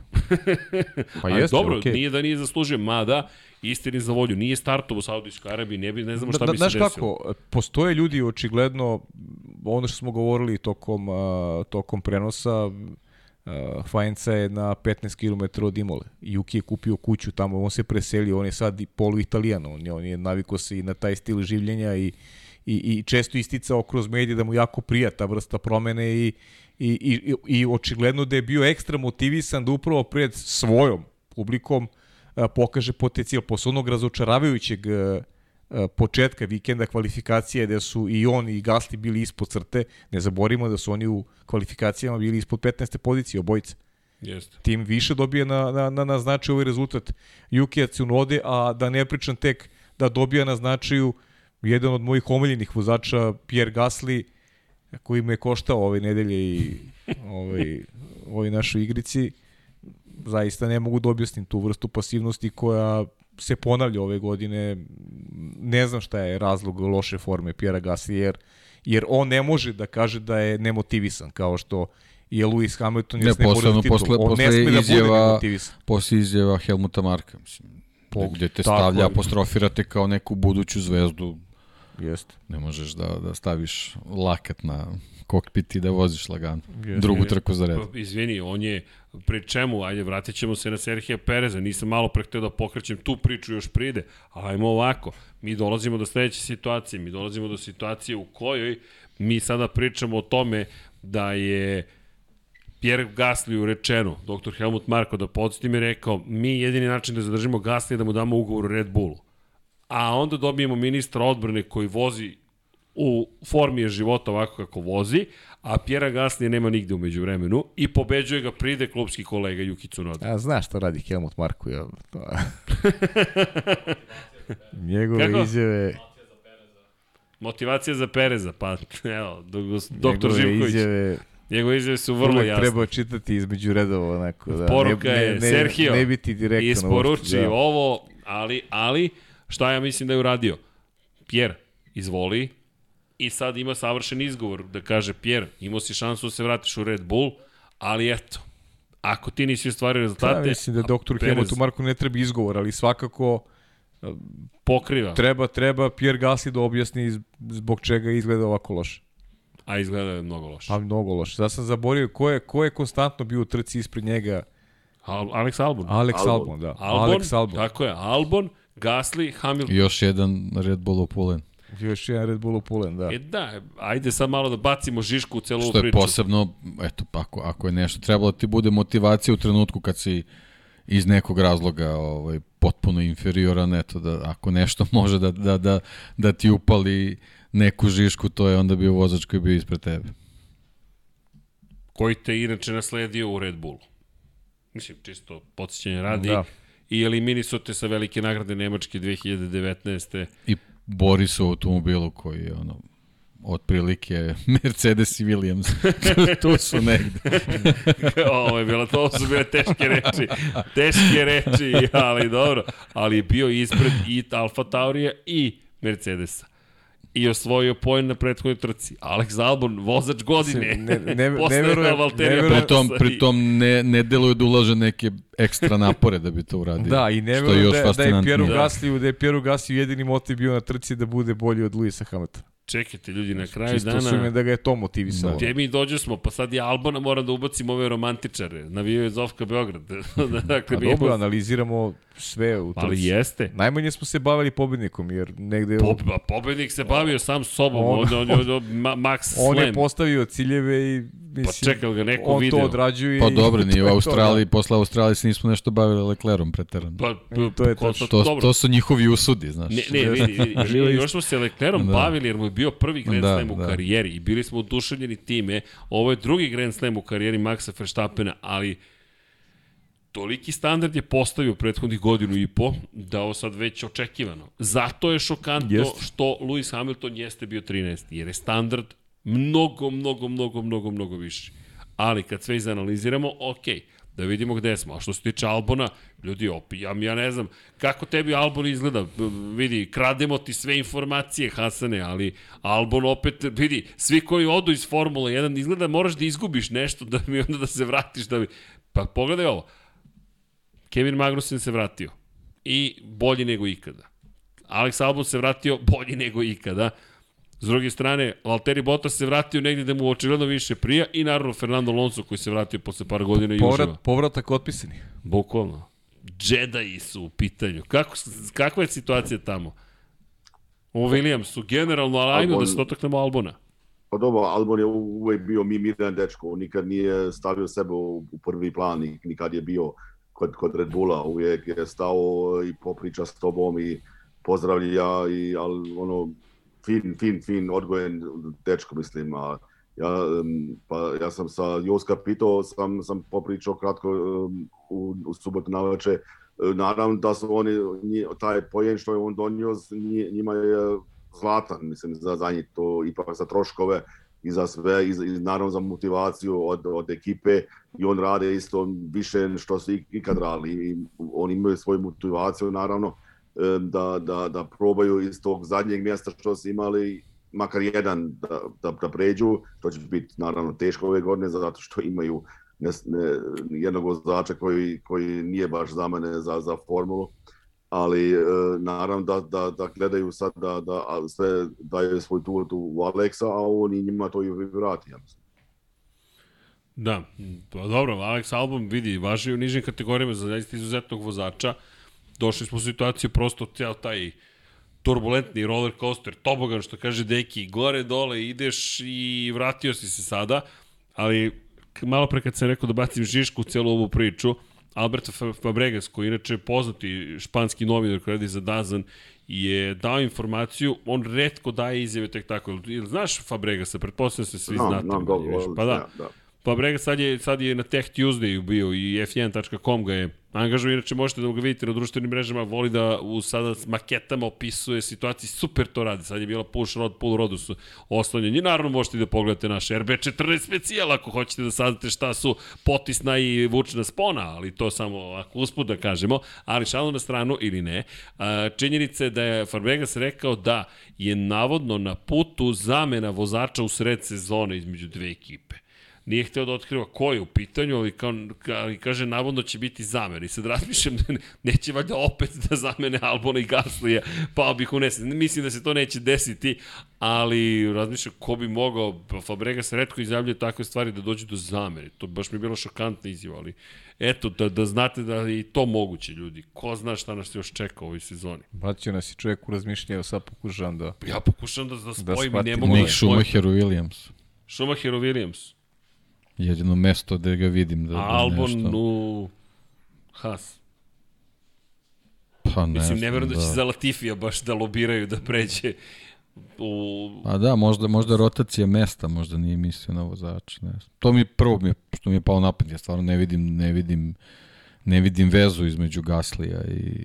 Ne, ne, to su se ja našalio i- više. i Ne, ne, ne, da. da, Ne, nego... to se našalio, ali pazi, ovo A, Albon Schumacher. a Schumacher u Nemačkoj priči sa, sa Jostom, ako tu vide neka, neka sponzorstva, možda, ne znam. Kako, šta ti misliš, Hasane? Mi možda i samo trač, ali redko Ne, Fabregas baš izbacuje takve Da. informacije. Ricciardom isto možda ima nešto, Ricardo? mogu neko preći. Da. Gde da Da, se Ricardo. odreknu Ricarda On je posle mnogo skup, budžeta? da. On je Da. mnogo skup. Da. Okej. Dobro, eto, imamo čemu da razmišljamo, ali ali da se vratimo na Jukija, pohvale Jukiju Tsunodi. Ne, ne, apsolutno. Mislim, najbolja čast. trka od kad, se, od kad je u Formuli 1 po meni. Ne, ne trka, vikend. Da, Da, Ajde, nije, nije baš A počelo ne kako treba, ali, ali, ali, ali subota, bolji. subota i nedelja, super. Da, razmišljam sad, i dalje sam u šoku. Ali dobro, Yuki Tsunoda, top. Dakle, najzad Yuki Tsunoda pokazuje šta. Ja vam kažem, nije mi slučajno u fantaziju. Comeback očekujte u Ali- nastavku sezone moj. Ali recimo kad pričamo sad na ovu temu koja je Da. meni interesantna, Fabregas koji je zaigrao, ja vidim tu Gaslija kao vrlo demotivisanog u, u, u ekipi po, baš vozi loše cele Da. godine. Ima tu plasmana među 10 najboljih, ali prosto mi nije to taj čovek. Ne, ne vidim tu, Pa ne, ako, vidim ako tu idemo, ako idemo, uopšte. ako idemo linkom Red Bulla, to je to, ali to je onda stvarno poruka ne, onda jeziva da od, od, da od Red Bulla završiš u Williamsu, Da. to je baš, baš jezivo. Ne, mislim da bi to bilo, Da. to, to, to je udarac od kog se to, pa ne vidim, onda više ne vidim oporavak.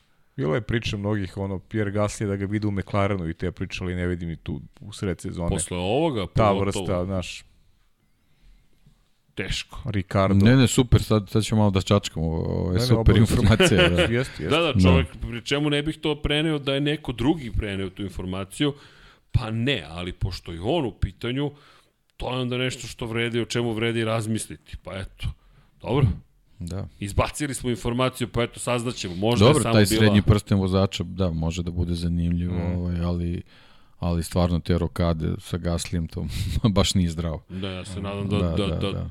iskreno... Ma ne, ne nadam se ništa, mislim, sve, sve, sve je očekivano, ali ovaj, sve što se desi, ono, verovatno ima neko, nekog smisla, ali čisto iz njegove perspektive, da, da sa Red Bulla ovaj, završiš u Williamsu, baš je haos. Da, ba, popriličan bi bio haos, ali zaista bi bio popriličan. No, okej, okay, ajmo da vidimo šta će se dalje dešavati. Inače, samo da... Ali to je isto fantazi. Ali isto fanta, naravno da je fantazija, ali pre fantazije samo moram nešto da kažem.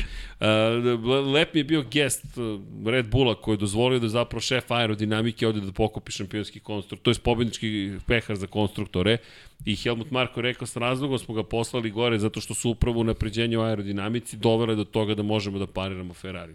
Tako da, da eto, čisto bitka Pa se... da, pa izgleda, polju- izgleda da ovaj, po skakivanju Red Bullu najmanje boli. E, kad pričaš o bolu, George Russell je rekao da na to sam mislio, Aha, da. okej, namještaš mi, okej, Da. šapa, viš kako igramo dubul ovde, Hasane, a to su bolovi u grudnom košu i glavi jesi pričao možda s vozačima ili s nekim o tome kad poskakuju toliko, jer mi smo razmišljali fizički tebe neko stalno lupa po glavi, ne znam kako to na kičmu ima efekat, ali ja mi za diskove nisam siguran da to baš nešto najzdravije. Nis, nisam sad pri, pričao sa ničim o tome, ali, ali mogu, mogu pomisliti kad se vidi da kad šljem kad ide gore i dole, ipak da to nije za, za vid i za inače za, za glavu, da, da to nije treba, ti treba se koncentrirati da uvijek budeš na, na, na, na istom tački da, da kočiš, da daješ gas sve, a, da, a ti to dođeš sa preko 300 i, i skačeš, ja mislim da to isto nije dobro za vid, inače. Ne, to su sve ozbiljne stvari. Seća se Nigel Mansell svoje vremenu nije mogao da prepozna boju zastave koju mu mašu koliko se tresao Williams, to je nekad 89. 90. Da, pa bilo je od 80-ih i krenulo da. kad su te još zavesice, one, one prve kad su bile, isto je to postakakivanje bilo nenormalno, ali očigledno da u Mercedesu možda zbog ove konstrukcije da to nešto više ovaj, nego kod drugih neki veći intenzitet, a posebno George Russell je visok momak, tako da verovatno i njegov položaj u tom bolidu, baš taj bolid je ipak, zna se prema kojem je ta pozicija nameštena jasno, i sve, jasno, da. tako da Russell je verovatno neko malo ovaj, da kažem indisponiranom položaju ovaj u, u toj situaciji ovaj očigledno da on da on baš trpi bolove tu. Eto, ako ti nije teško, Hasane, pa, pa ukradi neku informaciju u... Pitaj, pitaj. U, to, to, to, ukradi informaciju u Majamiju. Ja sam fotograf, ja nisam Pisa. Fotoreporter. da, da. ne, ne, ali šalu na stranu, ne, to je to, to, eto, to, da, interesantno, ali verujem da će se pričati o tome još. A evo ga pogled na, a vidi ga Vanja, kakav je iskustvo. Naravno, Hasan Bratić ima sve fotografije. E, možda poša, pustiš i onu, jesam ti poslao fotografiju što mi je Hasan poslao? Uh, jesam, ovo malo pre. Ono, ne ono, ne od 10-19, ali ovo je bila super fotografija. Svaka čast. Ne pričamo i samo mi stiže od Hasana poruka. Ja ne znam kako ti to izvadiš Hasane, da li ti imaš, ne znam, Google Glass. Pazi šta je poslao Hasan malo pre kad smo pričali. Ovo si naravno ti fotografisao, tačno na mestu si bio. Ovo sam i... jedino bio, da, jedini koji to ima, da. Da, da. to je Andrej spominjao, te tvoje čuvene fotografije. da, da. Ja, imam ja svoj database, pa meni je to lako naći onda. Pa znam, Hasan, ali ti pričaš sa nama i izgleda kao da ne mrdaš očima i od meni stiže fotografija. Magija. Pa to treba, znate, kao, kao kad, kad, kad slikaš sa jednom okom gledaš kroz ogledalo, da, da. I, a sa drugom oko gledaš šta, šta se dešava oko kod tebe i zato ne smiješ ništa propustiti. Svaka čast Hasane. Hasan, Hasan the King, to smo rekli, imamo tvoju fotografiju. Dobra je fotografija, odlična fotografija. Ali dobro, ima, ima još jedna i čekaj, to sam običao. E, to nisam... Da, da, to, ni, to, ni, to ti nisam poslovanja, ali to je dobra fotografija. Andrej i, kako, i Andrej i Hasan dominiraju Imolom. Ali, ko dominira fantazijem, dragi moji? Ko dominira? U, u, ovde kod nas dominira koleginica iz prodaje. Dakle, ovo je, ja ne, ja ne znam kako bih ovo prokomentarisao. Inače, Nemanja N vodi u našoj ligi, 1030 poena čovek ima, svaka čast. Da vidi koji sam ja, pošto nisam protiv. Pavle Živković, ček samo da spomenem, Premium Racing, Milan K je na poziciji 2, zatim Duhom Alekse Kontića do pobede, Nikola D, zatim Tim 1, Igor K, ide Haas na maksimum, Stevan Stojev je na poziciji broj 5, zatim Paralelopiped, opa, Ilija R je na poziciji 6, Tim 1, Nikole P. Deli sedmo mesto sa Forzom Ferrari, Tonija Eš i Rošu Racingom Uroša M. Tim 1 Vladimira K je na poziciji 10, pa Točilica Jones 21 iz Nemačke, Marko T 11, pa Tim 2 Ognjena P, Dživđan je 12, Tim 1, opa imamo i koji iz Argentine nekoga Samir, pa Claudio pretpostavljam, pa Tim 1 Aleksandar J, pa Lucky Forte 6, pa Forza Ferrari i tako dalje i tako dalje. Ali, gde je koleginica iz prodaje? Samo da je pronađemo. Nije 30, ali 30, koja je? Ma znam da se vidio među prvih tu 30 i nešto. Evo, 39. koleginica iz prodaje. Pri čemu nije upotrebila koleginica iz prodaje Mega Drivera. O, opa, ovde se ide na pobedu. E, verujte, ništa nije namešteno. Koleginice iz prodaje divlja. Ali, gospodin Pavle Živković, Da čekaj, im baš, nemam pojma. čekaj da te pronađem. Search, kaže Pavle. Pavle Živković, 197. Opa! 197.. Opa, vidi ga, Pavle, čekaj, bro. Kako sam skočio tako sa hiljadu i... Nemam pojma, ali... Ne, doduš nemam Gaslija samo među deset. Leclerc, Perez, Norris, pa Leclerc Perez, da, Leclerc Perez, Norris. Gasly, Bottas, Gasly i gaslite Bottas. malo, malo, malo Gasly te muči gasli. cijele godine. Gasli, Gasly me gasi. gasli, čekaj da vidimo, potkonjak, Dejan, Deki, Dejan, Dejan, e sad, koji Dejan? Dejan, ne, ne, Žakare, Kabu, Žakare, pa gua. Ja sam naivan. Nije. Ne mogu te... Trebalo bi da jeste. Ili trebalo? bi? Zavisi šta si kucao.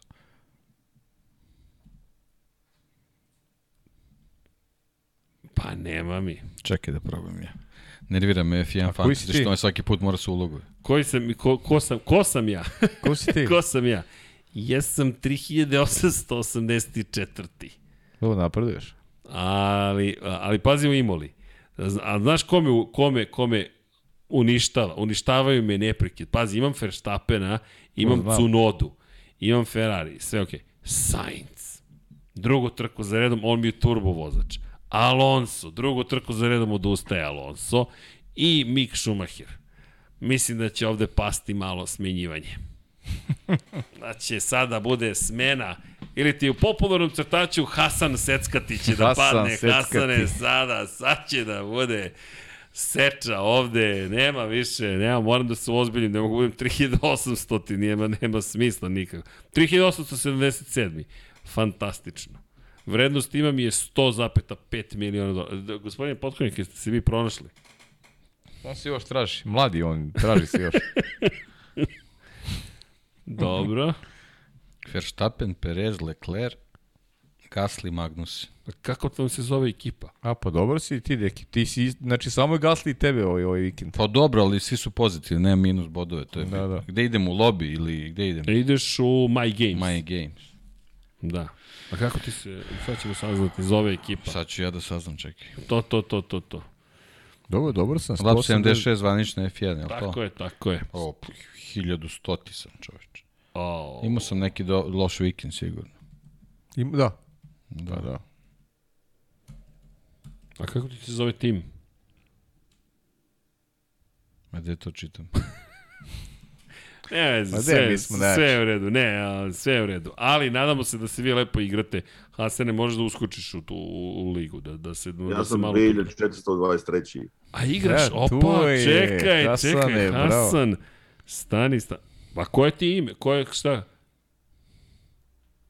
Čekaj, A tim i Alfa Romeo i tu ima minus ne bodove. mogu te pronađem, Hasane. E, Ja mislim HB Press. AB, AB pres. Mislim. Dobro, pokušao sam, ali mi nešto ne ide. Dobro, sakrili ste se negde. No, dobro ljudi, ovde je među 4200 igrača, nije uopšte tako loše, mogu vam reći. A nije Hasan, okej. točka, Hasan B. Točka. Gledam. Ma neće da mi izbaci. Okay. Što neće da mi izbaci? Ko zna, mislim da ni njima baš ne radi sistem kako bi trebalo. Ali koji si rekao da si 2000... 426. 426. Dobro.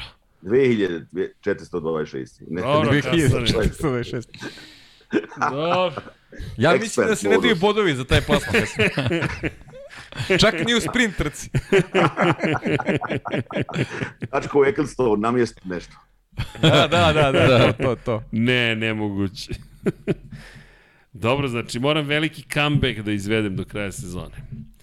E, kako? Kao ja kao Ti Mercedes. si ko Mercedes, da, na nuli si, na nuli. Opa, Vanja. A šta, tako. drži se svog tima, pa proradit ćeš šta. Misliš? Ili imaš vere u svoje vozače? Ja verujem, neće menja moje uopšte. O, a, Ja ne diram ništa. Isto, ne diram. Odlučio sam. Dok Isto, ni ja dok kraja ništa, godine. Mik, reci Miku tamo Jedino malo. da- eventualno malo ako, Da, ako uspem pobojte. neke, neki, neki novac da uzmem da promenim tim, pošto mi je Alfa Romeo. Aha. Nisam imao više Kako? para i onda... Sve da, Da, da, menjam. Kod Vanje je to radikalno, sve, sve da se menja. Ali dobro. Ej, ljudi, a, da, da li sam nekog zaboravio? Pa verujem da nisam. Uvijek ima i nekih novih vesti, ali ova priča o trci je ipak glavna stvar. Ma, naravno. Max Slam u Imoli. Trka, navijači, super, super, baš, super. Je, baš je bilo okej. Ma da, super. Jeste, i dobro je. Jeste. Pa mi sjaj da se, da se ne lažemo. Trka, Evropska Formula 1. trka ko to. trka i nije bilo u rangu prethodne tri, realno. Nije bilo toliko uzbuđenja vezanih za preticanje i u nekoj ranoj fazi. Dobro, ali imali smo neizvesnost generalno. Jesmo, jesmo, to, To je- nije sporno, ali Da. meni su interesantnije bile prethodne tri trke u odnosu na Imolu. Meni, makar pričam iz svog ugla. Jer ovo, evo, na, evo, najmanje, najmanje pričamo definitivno o čovjeku koji je Pa. pa. napravio veliku stvar, realno. Na terenu, Ključno. na terenu rivala, u, u momentu U kada... jako važnom trenutku, da. U najvažnijem mogućim. Mi smo poredili u prošlom podcastu. Ovo je moment koji je rang prošlogodišnjeg Monaka. Kada Red Bull mora da reaguje nakon dva odustajanja, tebi je samo pobeda opcije. I ti dođeš do dvostrukog triumfa u sve pehove koji se dogode Ferrariju, Plus dodatni bodovi. plus dodatni bodovi, ti si na minus 11 u šampionatu konstruktora. Ne može Bolje, bolje. bolje nije moglo. I pazi, do prva dvostruka pobjeda Da. posle šest godina, drugi Grand Slam u karijeri i prvi Grand Slam uz pobedu u sprint trci. Zašto mi ga zovemo Max Slam? Samo smo izmislili, ne, ne mi. Da, Srđan Petković mi je to prvi poslao, pa njemu pridajem jel te, tu, čast da je imenovao Max Slam, ali ono što je pitanje, to je Nemanja, naš drugar Bračko pitao, pa i naš Patreon, je, a kada već spominjemo Patreone, patreon.com kroz Infinity Lighthouse znači nam vaša podrška, tako da ko želi da nas podrži može. Samo da napomenem, Nemanja je pitao da li bi u sprint trci trebalo da vodiš od početka do kraja da bi to zaista bio neki novi nivo maksimalnog uspeha. Pretpostavljam da bi, ako pričamo o savršenom vikendu, eto, to je jedino što Verstappen nije postigao. Svoju pol poziciju petak uveče u kvalifikacijama, izgubio je prvo mesto na startu sprinta i vratio ga je na kraju tog sprinta, ali nije činjenica vodio kroz ceo sprint. Eto, to je jedino što može da se zameri Verstappenu tokom celog vikenda. Pa Da, da, se zameri. Da. kad pogledaš druge Nije strane, znaš, ti, ti ovaj, cela ta priča vezano za tu vrstu pritiska, da nešto moraš, da je oko tebe sve crveno, uh, napraviš u, u tim kvalifikacijama, izgubiš poziciju, pa je vratiš kroz trku i što je jako važno, opet i, i iz percepcije onoga što čeka dvojicu vozača, da, da steknu naviku pobeđivanja. Sad, iz koje god prizme da gledate, važno je obojci da steknu navi- naviku pobeđivanja, tako da je tu uspeo da napravi tu vrstu uh, koraka, onda, onda je sve to lepo nadogradio kroz, kroz fantastičnu trku gde ga bukvalno nismo ni videli. Ali nije ni bilo potrebe da ga pratimo bez jedne greške. Zaista određena trka u stilu šampiona. Ljudi, ja, ja bukvalno mislim da na osnovu ovoga što smo videli, ključ leži, u, ali bukvalno ključ leži zapravo u kome? U Perezu i Saincu. Jer par stvari, predvideli smo to i, i na prethodnim trkama, da je u Bahreinu poveo Max Verstappen. Pričali smo o tome. Ko garantuje da Max Verstappen ne bi pobedio u tom istom Bahreinu? Da bi Leclerc mogao nužno da ga nadigra. Ako se vratimo na odustajanja, pride po pitanju poena, bila bi dramatičnija situacija. Verstappen bi danas vodio u šampionatu sveta i još jedna napomena na početku trke, da Perez nije izbio na poziciju 2, da je, da je ostao Leclerc na poziciji broj 2, Da li bismo mi videli baš Pereza kako uspešno sad pretiče Charles Leclerca pre nego što dođemo do DRS-a, a nismo mogli odmah da dođemo, dugo je bilo voženo po vlažnoj stazi, ili bi možda dovoljno ispratio Leclerc da bude uz Maxa Verstappena, što nas dovodi opet do toga koliko će biti važan vozač broj I 2. Jedda i Perezov Super Pol. Super Pol, tako Jeste. je. Tako da, to, na, po tom pitanju mislim da ćemo doći do te velike igre zapravo dva Ferrarija protiv dva Red Bulla. Jer Red Bull sada ima zaista dva vozača. To je ono što se, s čime se godinama suočavao što Max Verstappen u Red Bullu, što na neki način Sebastian Vettel u Pa Ferrariju. da budemo iskreni, Max Verstappen se vrlo često suočavao s tim i prošle godine. Tako je, protiv Mercedesa. Protiv Mercedesa je vrlo često bio usamljen. Boriš se za titulu, usamljen si. Da. Nemaš tu podršku, čeka Pereza kao što ima sada s početka ove godine. Da, i generalno dolazimo do situacije da je sad opet veliki pritisak na Ferrariju, posebno zato što se ide na stazu koju svi ne poznaju. Jeste. Eto kako se jednom trkom se promeni čitava priča. Da, i zato smo rekli da Imola zove Ferrari. Jer to je bukvalno moralo da bude situacija u kojoj Ferrari to koristi.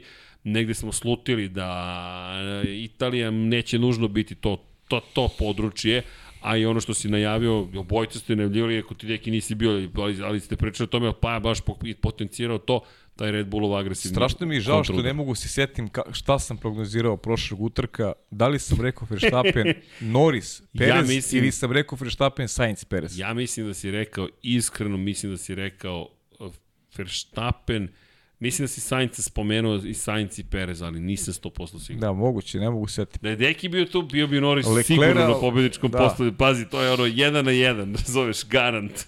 Ali nisam bio, što znači Nisi, da je, ja. zato i bio. samo mene ne slušajte. da, da, da, samo njih dvojicu ne slušajte, a inače pogađaju sve. Ali dobro. Ima neko neko pitanje. E da, još jedna bitna stvar. Ljudi, Taladega se odigrala u Naskaru. Jedna sjajna trka, čisto da konstatujemo. Da, Ross Chastain, da, pobedio. Ross the Boss, tako ga zovu sada. Pa on je, on je pa jedan od tih, pa pazi, tu ima najviše, najviše usno rečeno iznenađenja ima na, na tim klasičnim super speedwayima gde znaju ti vozači koji nisu u prvom planu da pobede, tako da, eto, Ross Chastain je bio sjajan u Teledegi i da došao da do triumfa, da. Da, bilo onako prilično uzbudljivo, onako baš u žestokom ritmu su vozili, bilo je par nekih sitnih onako udesa, ništa, ništa spektakularno za, za razliku od nekih udesa yes. prethodnih sezona u Taladegi, ali eto generalno ono klasika za njih 6-7 krugova je bilo onako baš baš intenzivno i tu su stvari tek i, i rasplala priča ovaj, oko pobednika. Uvijek je tako u Taladegi i Daytoni, da, poslije da, 5-6 da, krugova. Da. Taladega najc. Idu sad u dover, eto, by the way, sledeća stanica, ko voli, ko prati, nek izvoli. Ko voli, ko prati Joe Pati. Ali, ima neko neko pitanje. Aj ne, nemoj zaboravimo samo dvojku Šta? i trojku. Dvojku i trojku. Formula A, 2, Formula 2, 3. Formula 3. Pa da. Jao, za malo da odemo odatle. Formula 2. Ok, Teo Puršer na kraju dana odneo veliku pobedu. I to je, ajde, od, odakle ćemo da krenemo? Bilo su zbudive trke i Formula 3, i Formula 2 i Porsche Super Cup su imali, ok, Meni onaj, vozio. Meni je taj finiš, te, te glavne trke, onako, opet pričamo o sudijama i odlukama, deki gledao si. Nisam, nažalost, sve u, u direktnom prenosu zbog Moto Grand Prix, da, morao ali, sam malo da se Ali moment da kada kombinujem. imaš jedno, imaš izletanje Lijema Losuna koje je nacrtano za, za vozilo bezbednosti i ti postavljen znak za, za žute zastavu samo ili bilo virtualno vozilo, virtualno vozilo bezbednosti. Filipe Drugović koji prolazi startno ciljni pravac i onda vozilo bezbednosti. E, ne dobije priliku da dobije besplatno stajanje i pozicija bi bila mnogo bolja za njega u trci. Da, generalno čitav vikend je odvezao super. Sjajno, sjajno pritom da. nacrtana situacija za vozilo bezbednosti, momentalno čovjek ima udara, ima kontakt sa bankinom, okreće se i vraća se na stazu. Virtualno vozilo bezbednosti.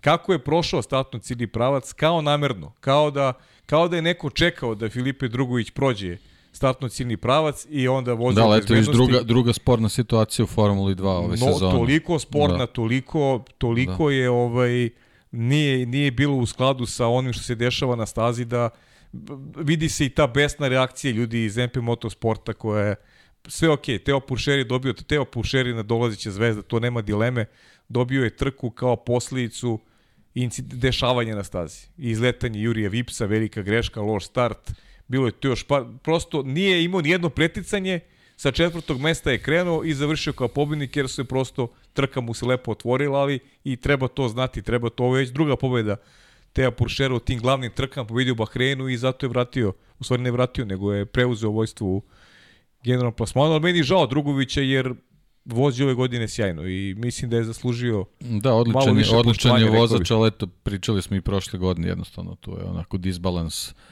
sa finansijskim mogućnostima, ali generalno njegova porodica dalje to sve, to sve vuče, iako je teško protiv tako velikih, velikih ekipa koji imaju imaju pomoć i, i akademija iz Formule Jeste. 1 da, da, da se drži taj tempo i onda kad se desi takva slobodno mogu kažem nepravda, onda jednostavno mm. ti, ti nemaš, nemaš mogućnost da, da, da odgovoriš na, na, na bilo koji način. Da pričemu... Kao da ga ne žele u vrhu. Jeste, bukvalno. Da. Bukvalno. Pri čemu i Hauger je slično prošao da se postavimo. Tako je, tako je. Da, da. Upravo to sam rekao, druga sporna situacija ove godine gde stvarno ne možeš to što ti kažeš da poveruješ da, da, da sudije takve odluke donesu. Smešno, baš smešno. Izgledalo je pogrešno.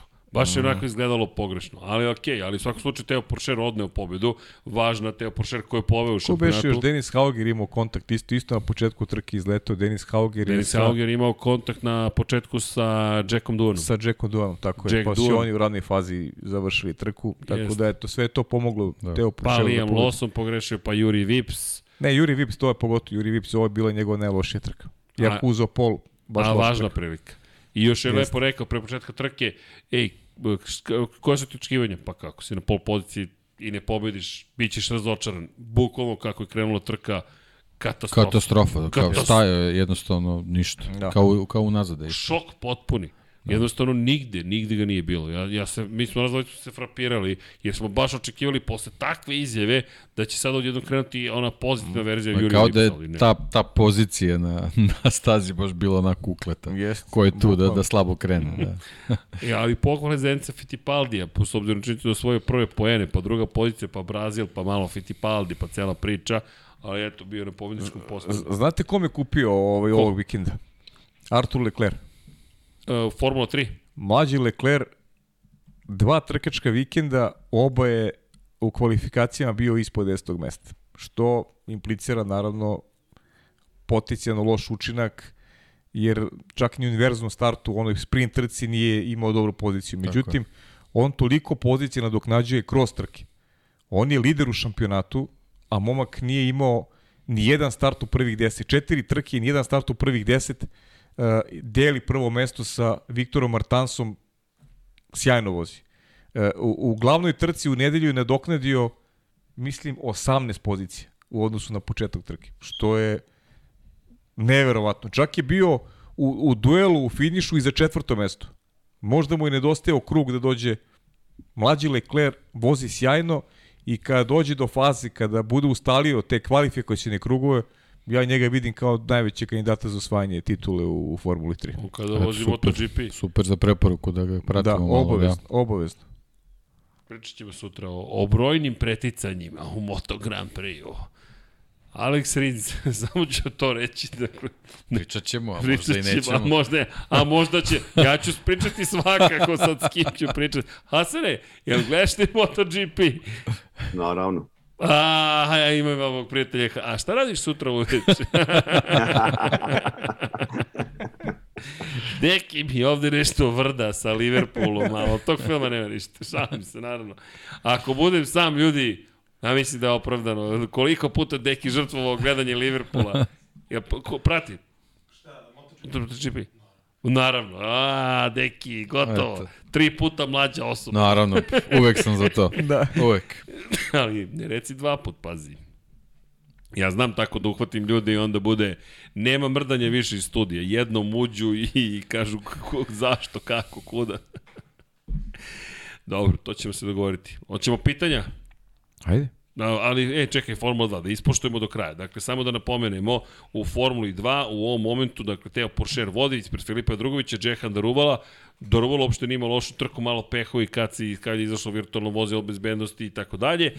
I samo da konstatujemo da se šampionat nastavlja u Kataloniji, dakle u Barceloni 21. 22. maja, čisto da znate gde smo. Nisu najvažniji šampionati koje pratimo, ali volimo da ih ispratimo, prosto da ispoštujemo šta rade ti momci i povremeno devojke, mada devojke će u Majamiju biti Formula W, pa će to biti interesantno. Inače u Formuli 3, kao što si rekao, Martens Leclerc zajedno drže poziciju 1, Roman Stanjek je na poziciji broj 3 i tu su Jack Crawford i Isak Hadjar koji je imao uzbudljiv vikend, rekao bih.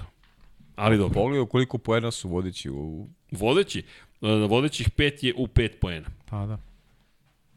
Ne može bolje od toga. Tako da, eto, poziv da, da pratite šta se događa, oni će se isto pojaviti u Kataloniji, tako da velika nagrada Španije, to jest Kataloniji u slučaju Formule 2, Formule 3, na stazi 21. i 22. Ok, ima neko neko pitanje, neku pohvalu, like, subscribe, join i tako dalje. Šalno to napajo, kod tebe ima nekih pitanja? Ajde vidim nešto baš Večeras slabo, je se Tanko, nešto... da, pa manje više smo analizirali sve, ali da idemo ovde. Da odgovorimo na pitanje. Evo, Nikola Stanković kaže, da li je smena vozača potrebna Aston Martinu ne bili napredovali, to jest da imaju vozača kojima se drma sedište ukoliko nisu na top E, nivou. da. Realno, Lens i Seb su tu, pa su tu možda pred pitanje kako zameniti Lensa za nekog novog kad je on sin šefa ekipe. Lepo si i postavio se odgovor i odgovorio, i odgovorio na pitanje. Nema šta mi tu dodamo da. Pa to kako...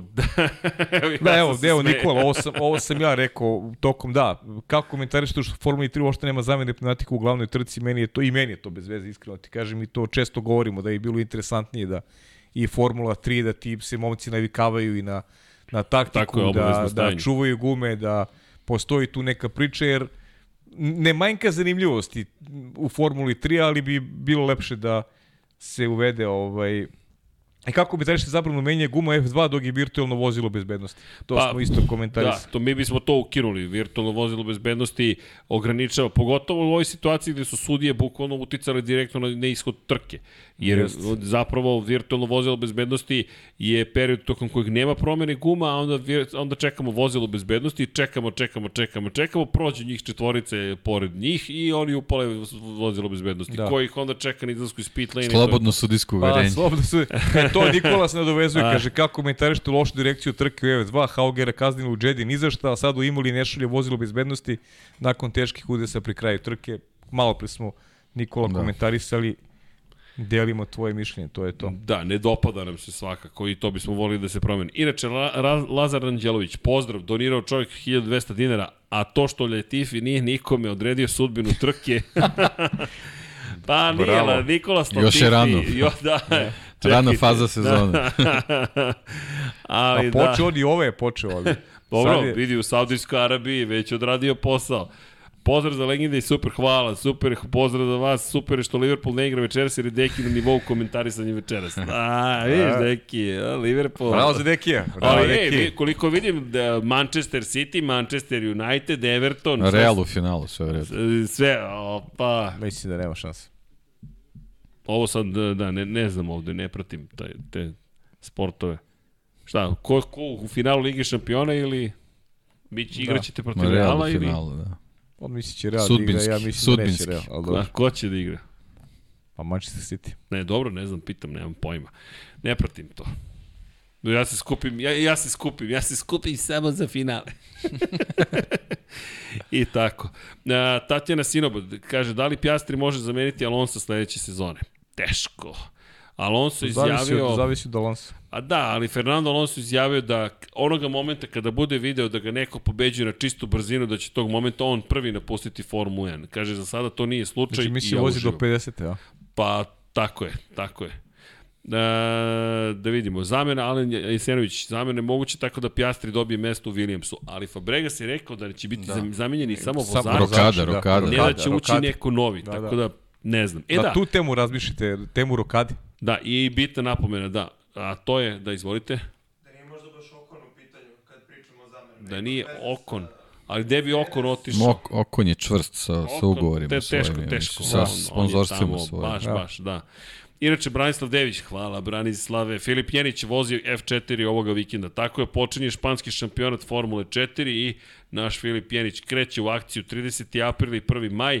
Pa čekamo, to su prve tri trke, u Algarveu se vodi, da. vozi, idemo ponovo u Portimao ili ti I Portugaliju. pobjeda Dina Beganovića. To. Da, i Dino Beganović, jao, kakva pobeda za Dina Beganovića u regionalnoj formuli, tako da aplauz i bravo za Dina Beganovića, bravo Tako je, Dino, bravo, Dino. član Ferrarijeve akademije, to je mnogo lepo bilo, to smo u sred trke dobili informaciju i baš, baš lepo. Jesi upoznao Dina možda, Hasane?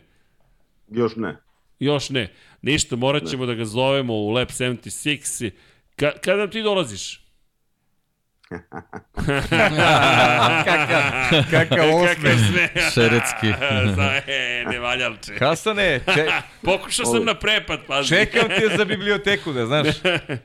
Jeste, jeste, kupuje ja knjige, knjige. mogu Ja ti reći. knjige skupljam, da znaš. Ali nije ih Ja, raspakovao ja volim još. knjige. U foru, pa ti, ti čitaš. Zato ti i kažem. A jel ilustrovane ili Sa slikama. Ne širi se. sa Sa slikama? slikama, sa slikama, da. Slikovnice više. Slikovi. Slikama. Pa ništa, nas sredit ćemo i to, da, nema Normalno. ništa da brineš. Ali da, kreće Filip Jenić u akciju Formula 4 i to je sedam rundi ovog, ove godine od 30, od 30. aprila do 13. novembra.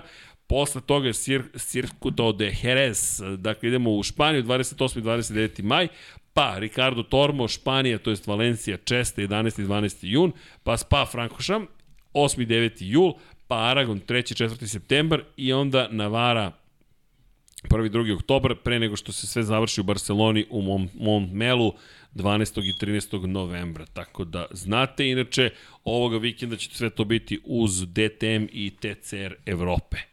Pa eto, pratite Filipa Jenića, topla preporuka, Pi- momak. Pitao je neko, ne znam ko je pitao na jednom Da. od prošlih podcasta, da li sport klub prenosi DTM, da, prenosi DTM šampiona sport klub, imate sad ovog vikenda na, na našim programima dve trke u subotu i nedelju, to je početak sezona. I tako Sportima. Da, tako i Sportima. Tako da, a Formulu 4 špansku možete da pratite na YouTube kanalu.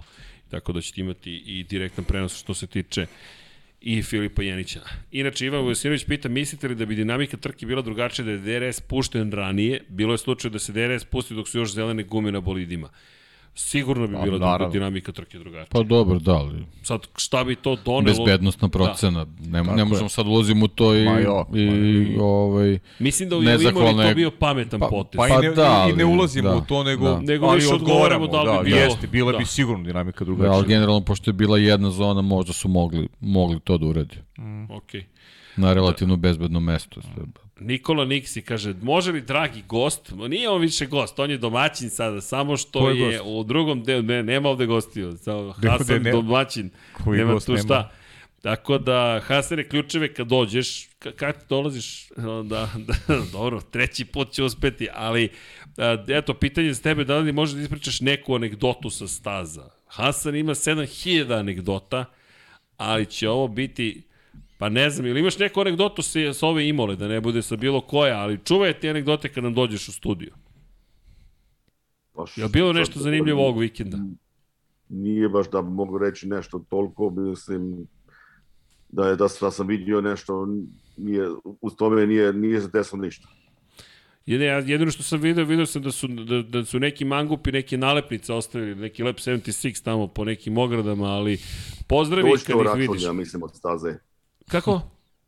Doće račun od staze za... Gotovo sigurno, pazi, u jednom trenutku će neko da to kaže, čekajte malo drugari, šta se ovde događa. Ali pozdrav svim navijačima koji su bili u Imoli i eh, hvala za podršku. Tako da, to je lepo, eto, to je naša anegdota, ali da. Fotografiši ih sledeći put da vidimo ko su ta lica. NN lica, ali u svakom slučaju da. da. Šta, šta mogu još reći, bilo je, zato što od kiše, mi smo stajali na parkingu Dobro. Na, na jednoj livadi i ona je bila totalno e, to, pod, pod vodom i, ima, i bilo je dva traktora koji su onda nas izvu, izvukle sa autima na, na, na jednu cestu. Pa i to je anegdota. vidi. Silverstonu. Dobro, to, to su, to su te Znači, anegdote. ozbiljna kiša. Da, Da. Da. Dobro, pa daj, vidio sam reka koliko je nabujalo, to me Jeste. frapiralo. Nis, Jeste, ne to pamtim to da sam sam- ikad video reka. Petak još na prvom treningu. Petka. Da, da, baš. Da. Baš je izgledalo ozbiljno. Jedno trenutku sam pomislio, ok, ali ovde sve ok. I onda kao, ne, čitam informacije, sve je ok. Dobro. E, kakav je grad Imola inače? Fin, fin grad. Fin grad kao... Inače, Em- Emilia Romana je, je, je fi- fino mjesto. Um, te imaju mnogo starih gradova i tako neke uh, svoje, svoje tradiciju koji, koji imaju, on, gledaju i njeguju to. Naravno, pizzerije na svakom čošku, hrana je super. Vredi otići tamo. Ali kad je fino vrijeme. Da. O, dobro, uvek kad je film Imaće vreme. prilike Hasane s obzirom da do 2025. imalo u Da. kalendaru, a znamo i dobro ko je kumovo. Ima još jedan poznati italijan koji je rođen na Imoli. A i te kako se pita u, u ovoj novoj ovoj Formuli 1, Stefano Domenicali. Stefano, Stefano. On je, on Da. je isto iz Imole. Da, inače bio je Claudio Domenicali, izvršni direktor Ducatija je bio sa Stefanom, to smo videli u nedelju. Da. da. Što nam je isto Bio- bilo bila je- zanimljivo. Da, da? Bila je i, i uh, od, od uh, Villeneuve, Žil Villeneuve žena i čiji bio od, otac od Ratzenbergera, on uvijek, uvijek, uvijek dolaze svake godine ono tamo, pa fino bilo. Da, da, to nisam znao, da. Isto, ja nisam znao da. Da. Podsjetnik prosto, sad će 28 godina od 30. aprila i 1. maja. Roland Ratzenberger i Ayrton Senna. Spominjemo Rolanda Ratzenbergera, to uvek insistiramo na tome da se spomene, prosto, prosto naravno u senci Senine spogibije, ali Roland Ratzenberger mora da bude zapamćen. To je jedan klinac, bukvalno, koji je izgubio život 30. aprila i njih dvojica zajedno čine taj crni, crni vikend Formule 1. Da, to je baš nešto što i pričamo kada najavljamo Imolu. S jedne strane se radujemo zato što donosi istoriju, a s druge strane ima taj jedan zastrašujući vikend koji nam, ne da nam ne prije, nego jednostavno svaki put kad kažeš Imola, prva asocijacija gotovo uvijek je Sena. Ali dobro. Biće prilike da je posetimo svi zajedno, pa da malo pričamo i te, i te priče. E, to, Tonima PCAE, interesuje me da li je ovim padom u trci Ferrari izgubio ili će se povratiti. Nije Pa izgubio. nije, ma naravno, nije. pa to je samo jedna trka sad. Nije, nije. Pričali smo o tome, Da, da. dešavaju se takve stvari uz ono što, što smo negde rekli kroz trku, slažem se sa Dekijem da, da možda na nekom drugom mestu, to je ta energija Ferrarija koja te negde znaš, to, Ja mislim to, da to crveno, dobri.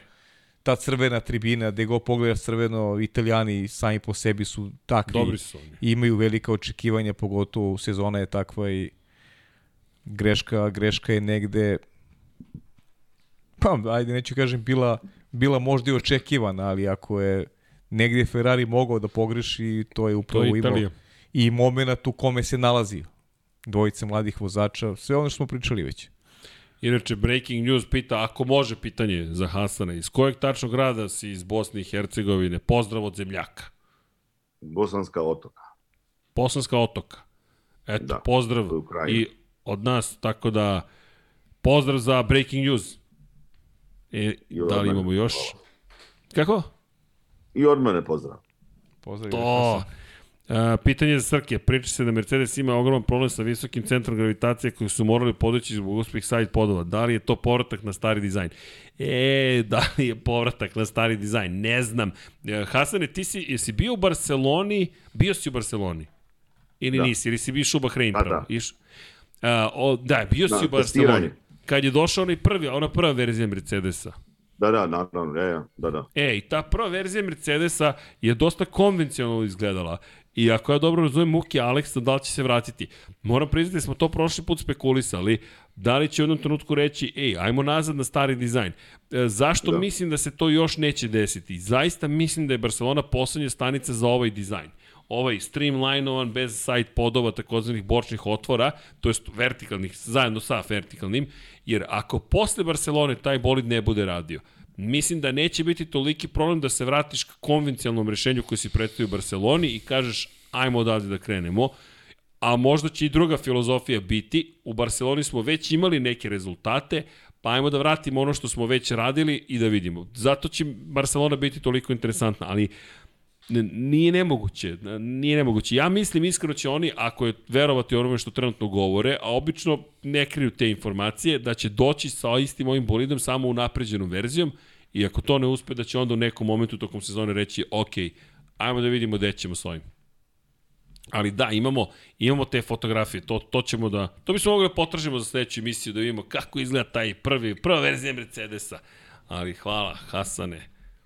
Uh, pozdrav Nino Atanasković. Uh, kako komentarišete napredak McLarena s obzirom na početak sezone, te isto uh, prelazak Piastri u Williams umjesto Latifija tokom ove sezone?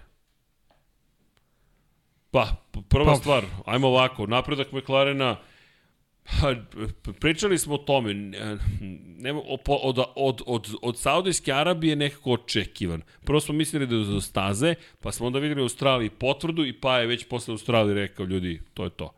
To je bukvalno to, jer ovde pričamo o diametralno... Pa sad više nisu staze, sad je... Ne, ne, ovo je znaš, tim. McLaren je napravio, napravio je iskorak, pravi su tim i očigledno da je koliko god bilo poražavajuća ona, ona prva trka u sezoni je bila samo prolaznost i eto ih već na podijumu.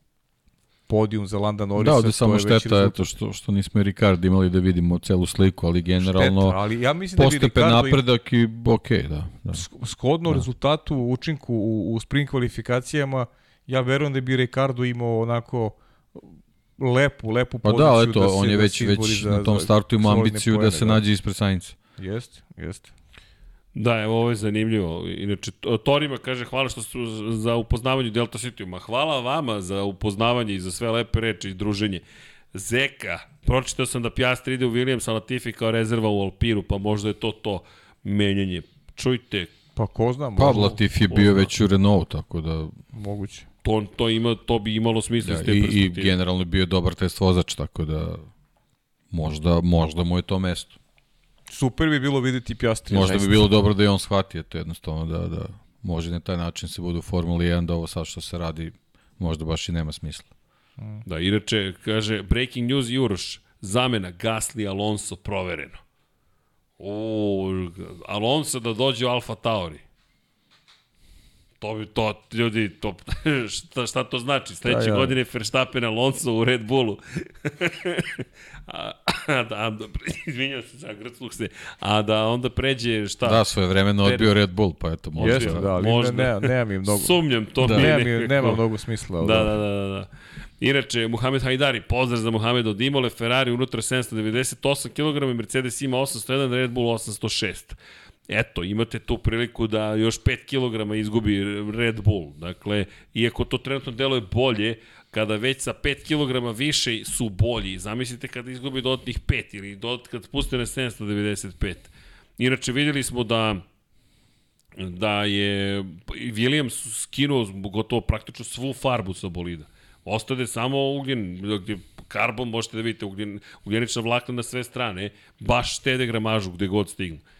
E, da li, se- da, Nikola M, da li je poboljšan safety car, nisu se vozači žalili u Imoli? Pa, da, nije ni bilo... Pa nije bilo suvo, pa nije mora da ide maks. Da, da, da, da. Evo čovjek diže ruku tamo. da. Baš kad smo kod toga, htio sam da pitam za kvalifikacije za crvene zastave. Pošto Pitanje za kvalifikaciju crvene zastave, dobro? je bilo pet ili šest. Pet kvali, crvenih zastava u Jeste. kvalifikacijama, rekord. Moguće neki od njih zaobići. Da li ih je moguće zaobići. Pa, sumnjam. Sumnjam, to je, jer to je, mislim da će tu uvek da se sada ide na, na, na, na bezbedniju varijantu. Jer dovoljno je jednom da se desi nešto nepredviđeno, svi ćemo se popeti na glavu sudijama, jer je da, sudijama zašto niste istakli crvene zastave i uvek imamo problem sa crvenim zastavama dok se nešto ne desi. A onda se pitamo a što nisu bile crvene zastave. Ne znam, voleo bih da postoji neko mudro rešenje, virtualno vozilo bez... E, Vanja, možeš da nam prikažeš, molim te, kvalifikacioni krug Verstappen-Leclerc poređenje, jer tu ima jedna zanimljiva situacija. Hvala. A, ali to je ono što je Palmer rekao, kako sad da dovesti do toga da da povedemo računa dovoljno o bezbednosti, a da mogu da se završavaju krugovi, na primjer, vozača koji su počeli. Bojim se da nemam neko, neko idealno rešenje. To virtualno vozilo bezbednosti. Evo, pogledajte ovo.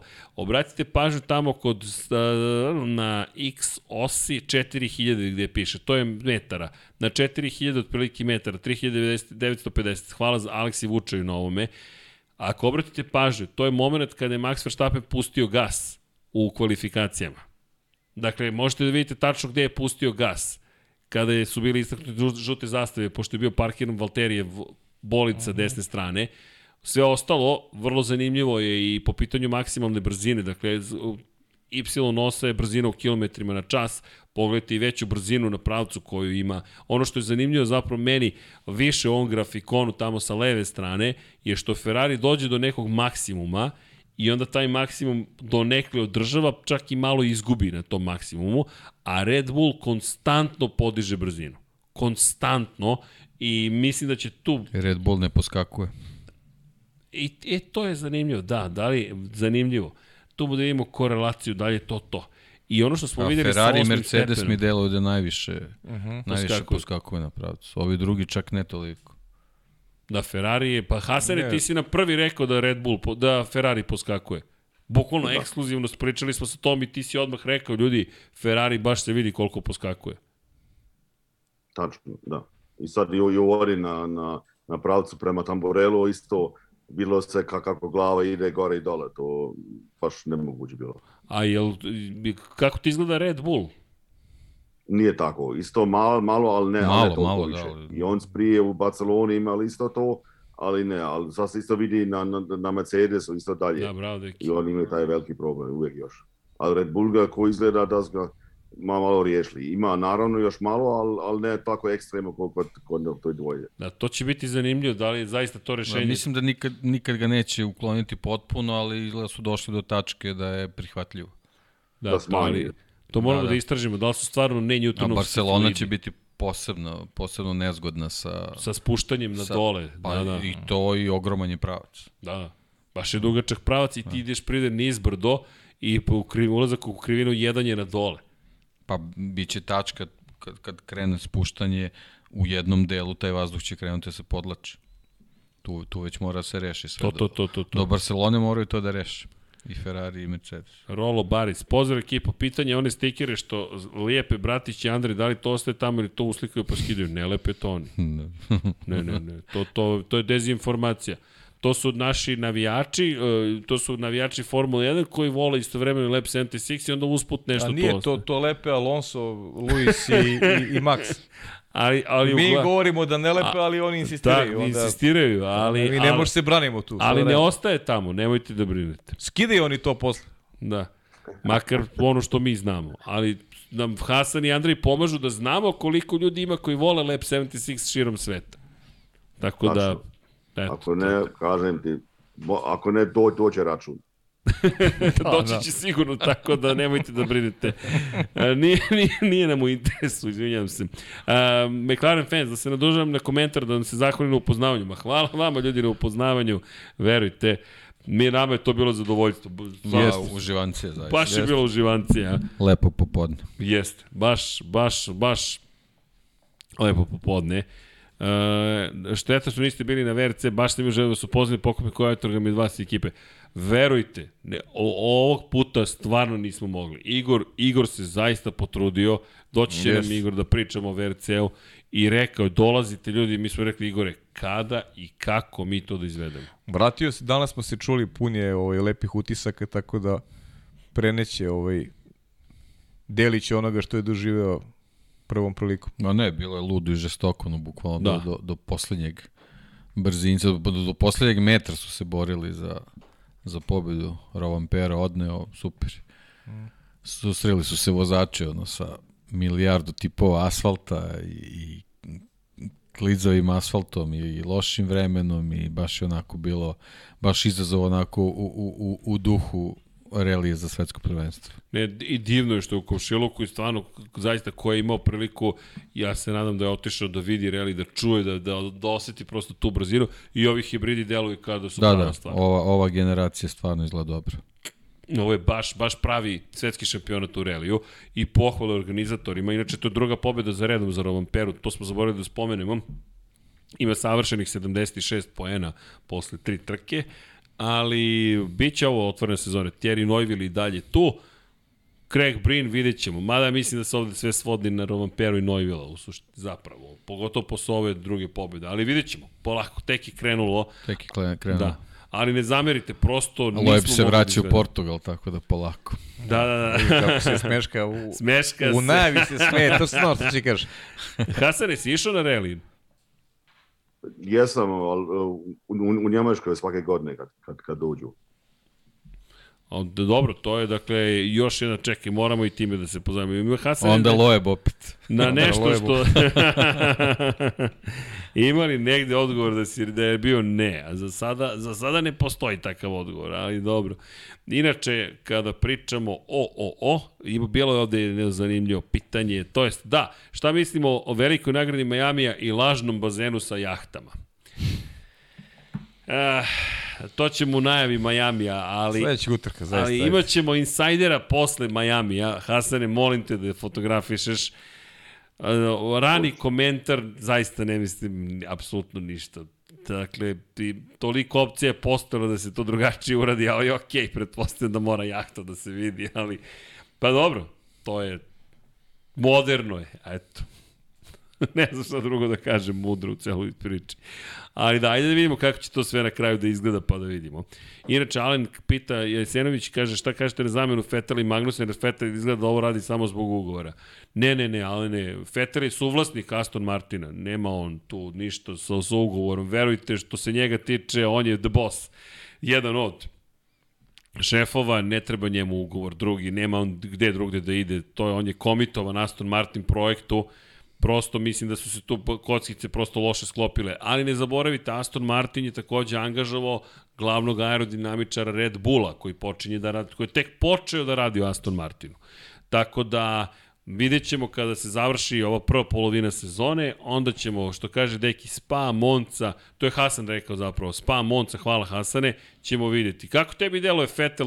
Ne, reći nam rekao, ali mi smo utiska da ukoliko baš bude loše, može da se završi sezona, to je karijera na kraju ove sezone, ali ukoliko bude i ole dobro, uz sve investicije koje su imali, pa i priču da bi mogao Audi da kupi Aston Martin, ne vidim razloga da se sada ide, pogotovo ako Audi zaista uđe, pa kažeš čekaj, mo, to je sad opet nemačka robna marka, možda tu nešto može da se radi.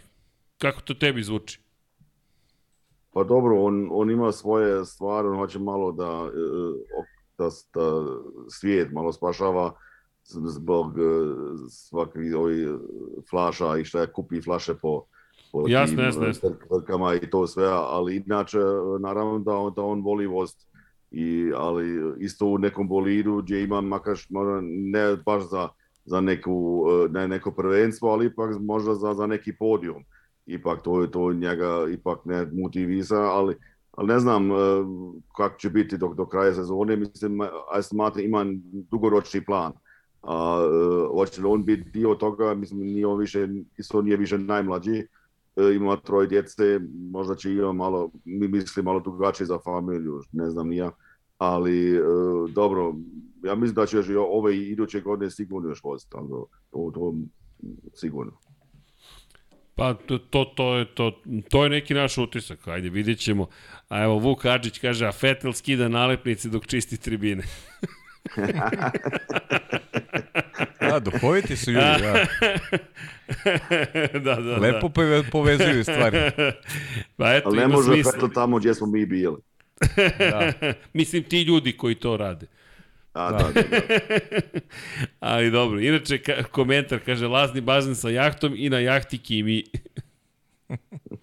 da, pa ne dobro. Verujem da je baš zainteresovan. dobro. Šta mislite za Schumacher u Aston Martinu? Nema tamo mesta. Ne može da on zameni Fetela, a svakako ne može da zameni sina vlasnika, tako da to bojim se da se prosto da se neće desiti. Možda najlogičnije zvuči stvarno Latifi i, i Piastri. Da, inače, evo zanimljivo pitanje, ko je, ko, evo čekajte, da da li sam propustio pitanje sa Patreona.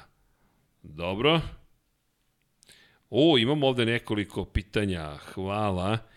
Dakle, da li je smena vozača, izvinjam se, vratit ću se na ovo pitanje, ovo je zanimljivo koje brendove, to je koje kacige koriste vozači u Formuli 1. To je zanimljivo. Imate Bell, imate Schubert, imate Arai i još jedna je, ne mogu sad da se setim koja, ali Zeko, to su, ima još jedna. Inače, Nikola pita da li je smena vozača potrebna Aston Martinu ne bili napredovali, to jest imaju vozače kome se drma, drma sedište ukoliko pa, se na top nivou, to, to smo da, rekli, to ne. Pit. Kako komentari, a to smo, to smo, to, to, to, to je, to da. si već tipak. A, da. O, dobro, Vapajo, kasnim, samo ti udri, reci, Kasniš, alo, kasniš. dečko. E, ka, by Sead, kaže, vidjet ćete šta je bouncing, šta je poskakivanje u Majamiju. Vrlo, vrlo verovatno. Tipujte rokadu sad, pošto nemamo trku za vikend. Hm. Da tipujemo rokadu sad. Sad, ajmo da se igramo rokade. Ko će da se, ko, gde će da padne rokada? Ajmo do Lugalj. Ajmo, igramo se. Ajde, Ricardo Gasly. Opa! Pa je, ide agresivnom metodom. Ricardo Gasly. Uf. Gde će da padne promena? Hm. Sainz, Ham, Sainz Hamilton, o, Vanja, ako se to desi, ok, vidi. Evo, pa i, i, i ovo prvo je isto šta. vidi, isto toliko je realno.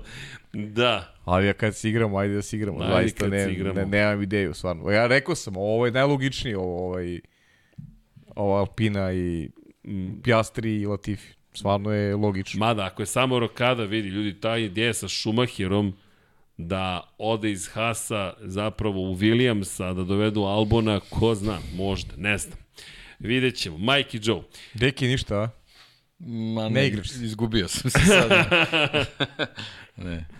Schumacher Williams. I to je rokada. Pa to ti kažem, Schumacher. Ne znam dalje šta će bude. Deki nam ide na spavanje, a mogli bismo i mi da idemo na, Mogli spa, bismo, na spavanje. Ljudi, Sutra je velik dan. sutra, uf, već veče. 3 sata i 15 minuta. Sutra je veče veliko. Vanja, hoćemo, jel imamo nove, nove, novo, nove imena za Patreone? Da ne čitam iz knjiga. Kako? Kako? Knjiga. Samo da kažem 26 tajnih novih. Dobro. E, hvala, 26 tajnih novih. Čekajte, Mik u ide u Ferrari? Ne, nema šanse Mik u Ferrari. Hvala, hvala. Izvoli. Mladi padavan kreće. Čekaj, Hasane, jesi ti nama zabavi? Jesi da smo te opet zadržali u, u novi dan smo ušli. Odlično. Odlično. Ti si car, Hasane. Hasan je divan čovek, ljubazan, Ti nisi kulturan. gost naš, ti si, ti si, deo tima. Ti si deo tima, ti možeš kad god hoćeš da se uključiš, da pitamo mladog gospodina, kako je vama, gospodine? Se zabavljate? Dobro, mislim da se neko ovde lepo zabavlja.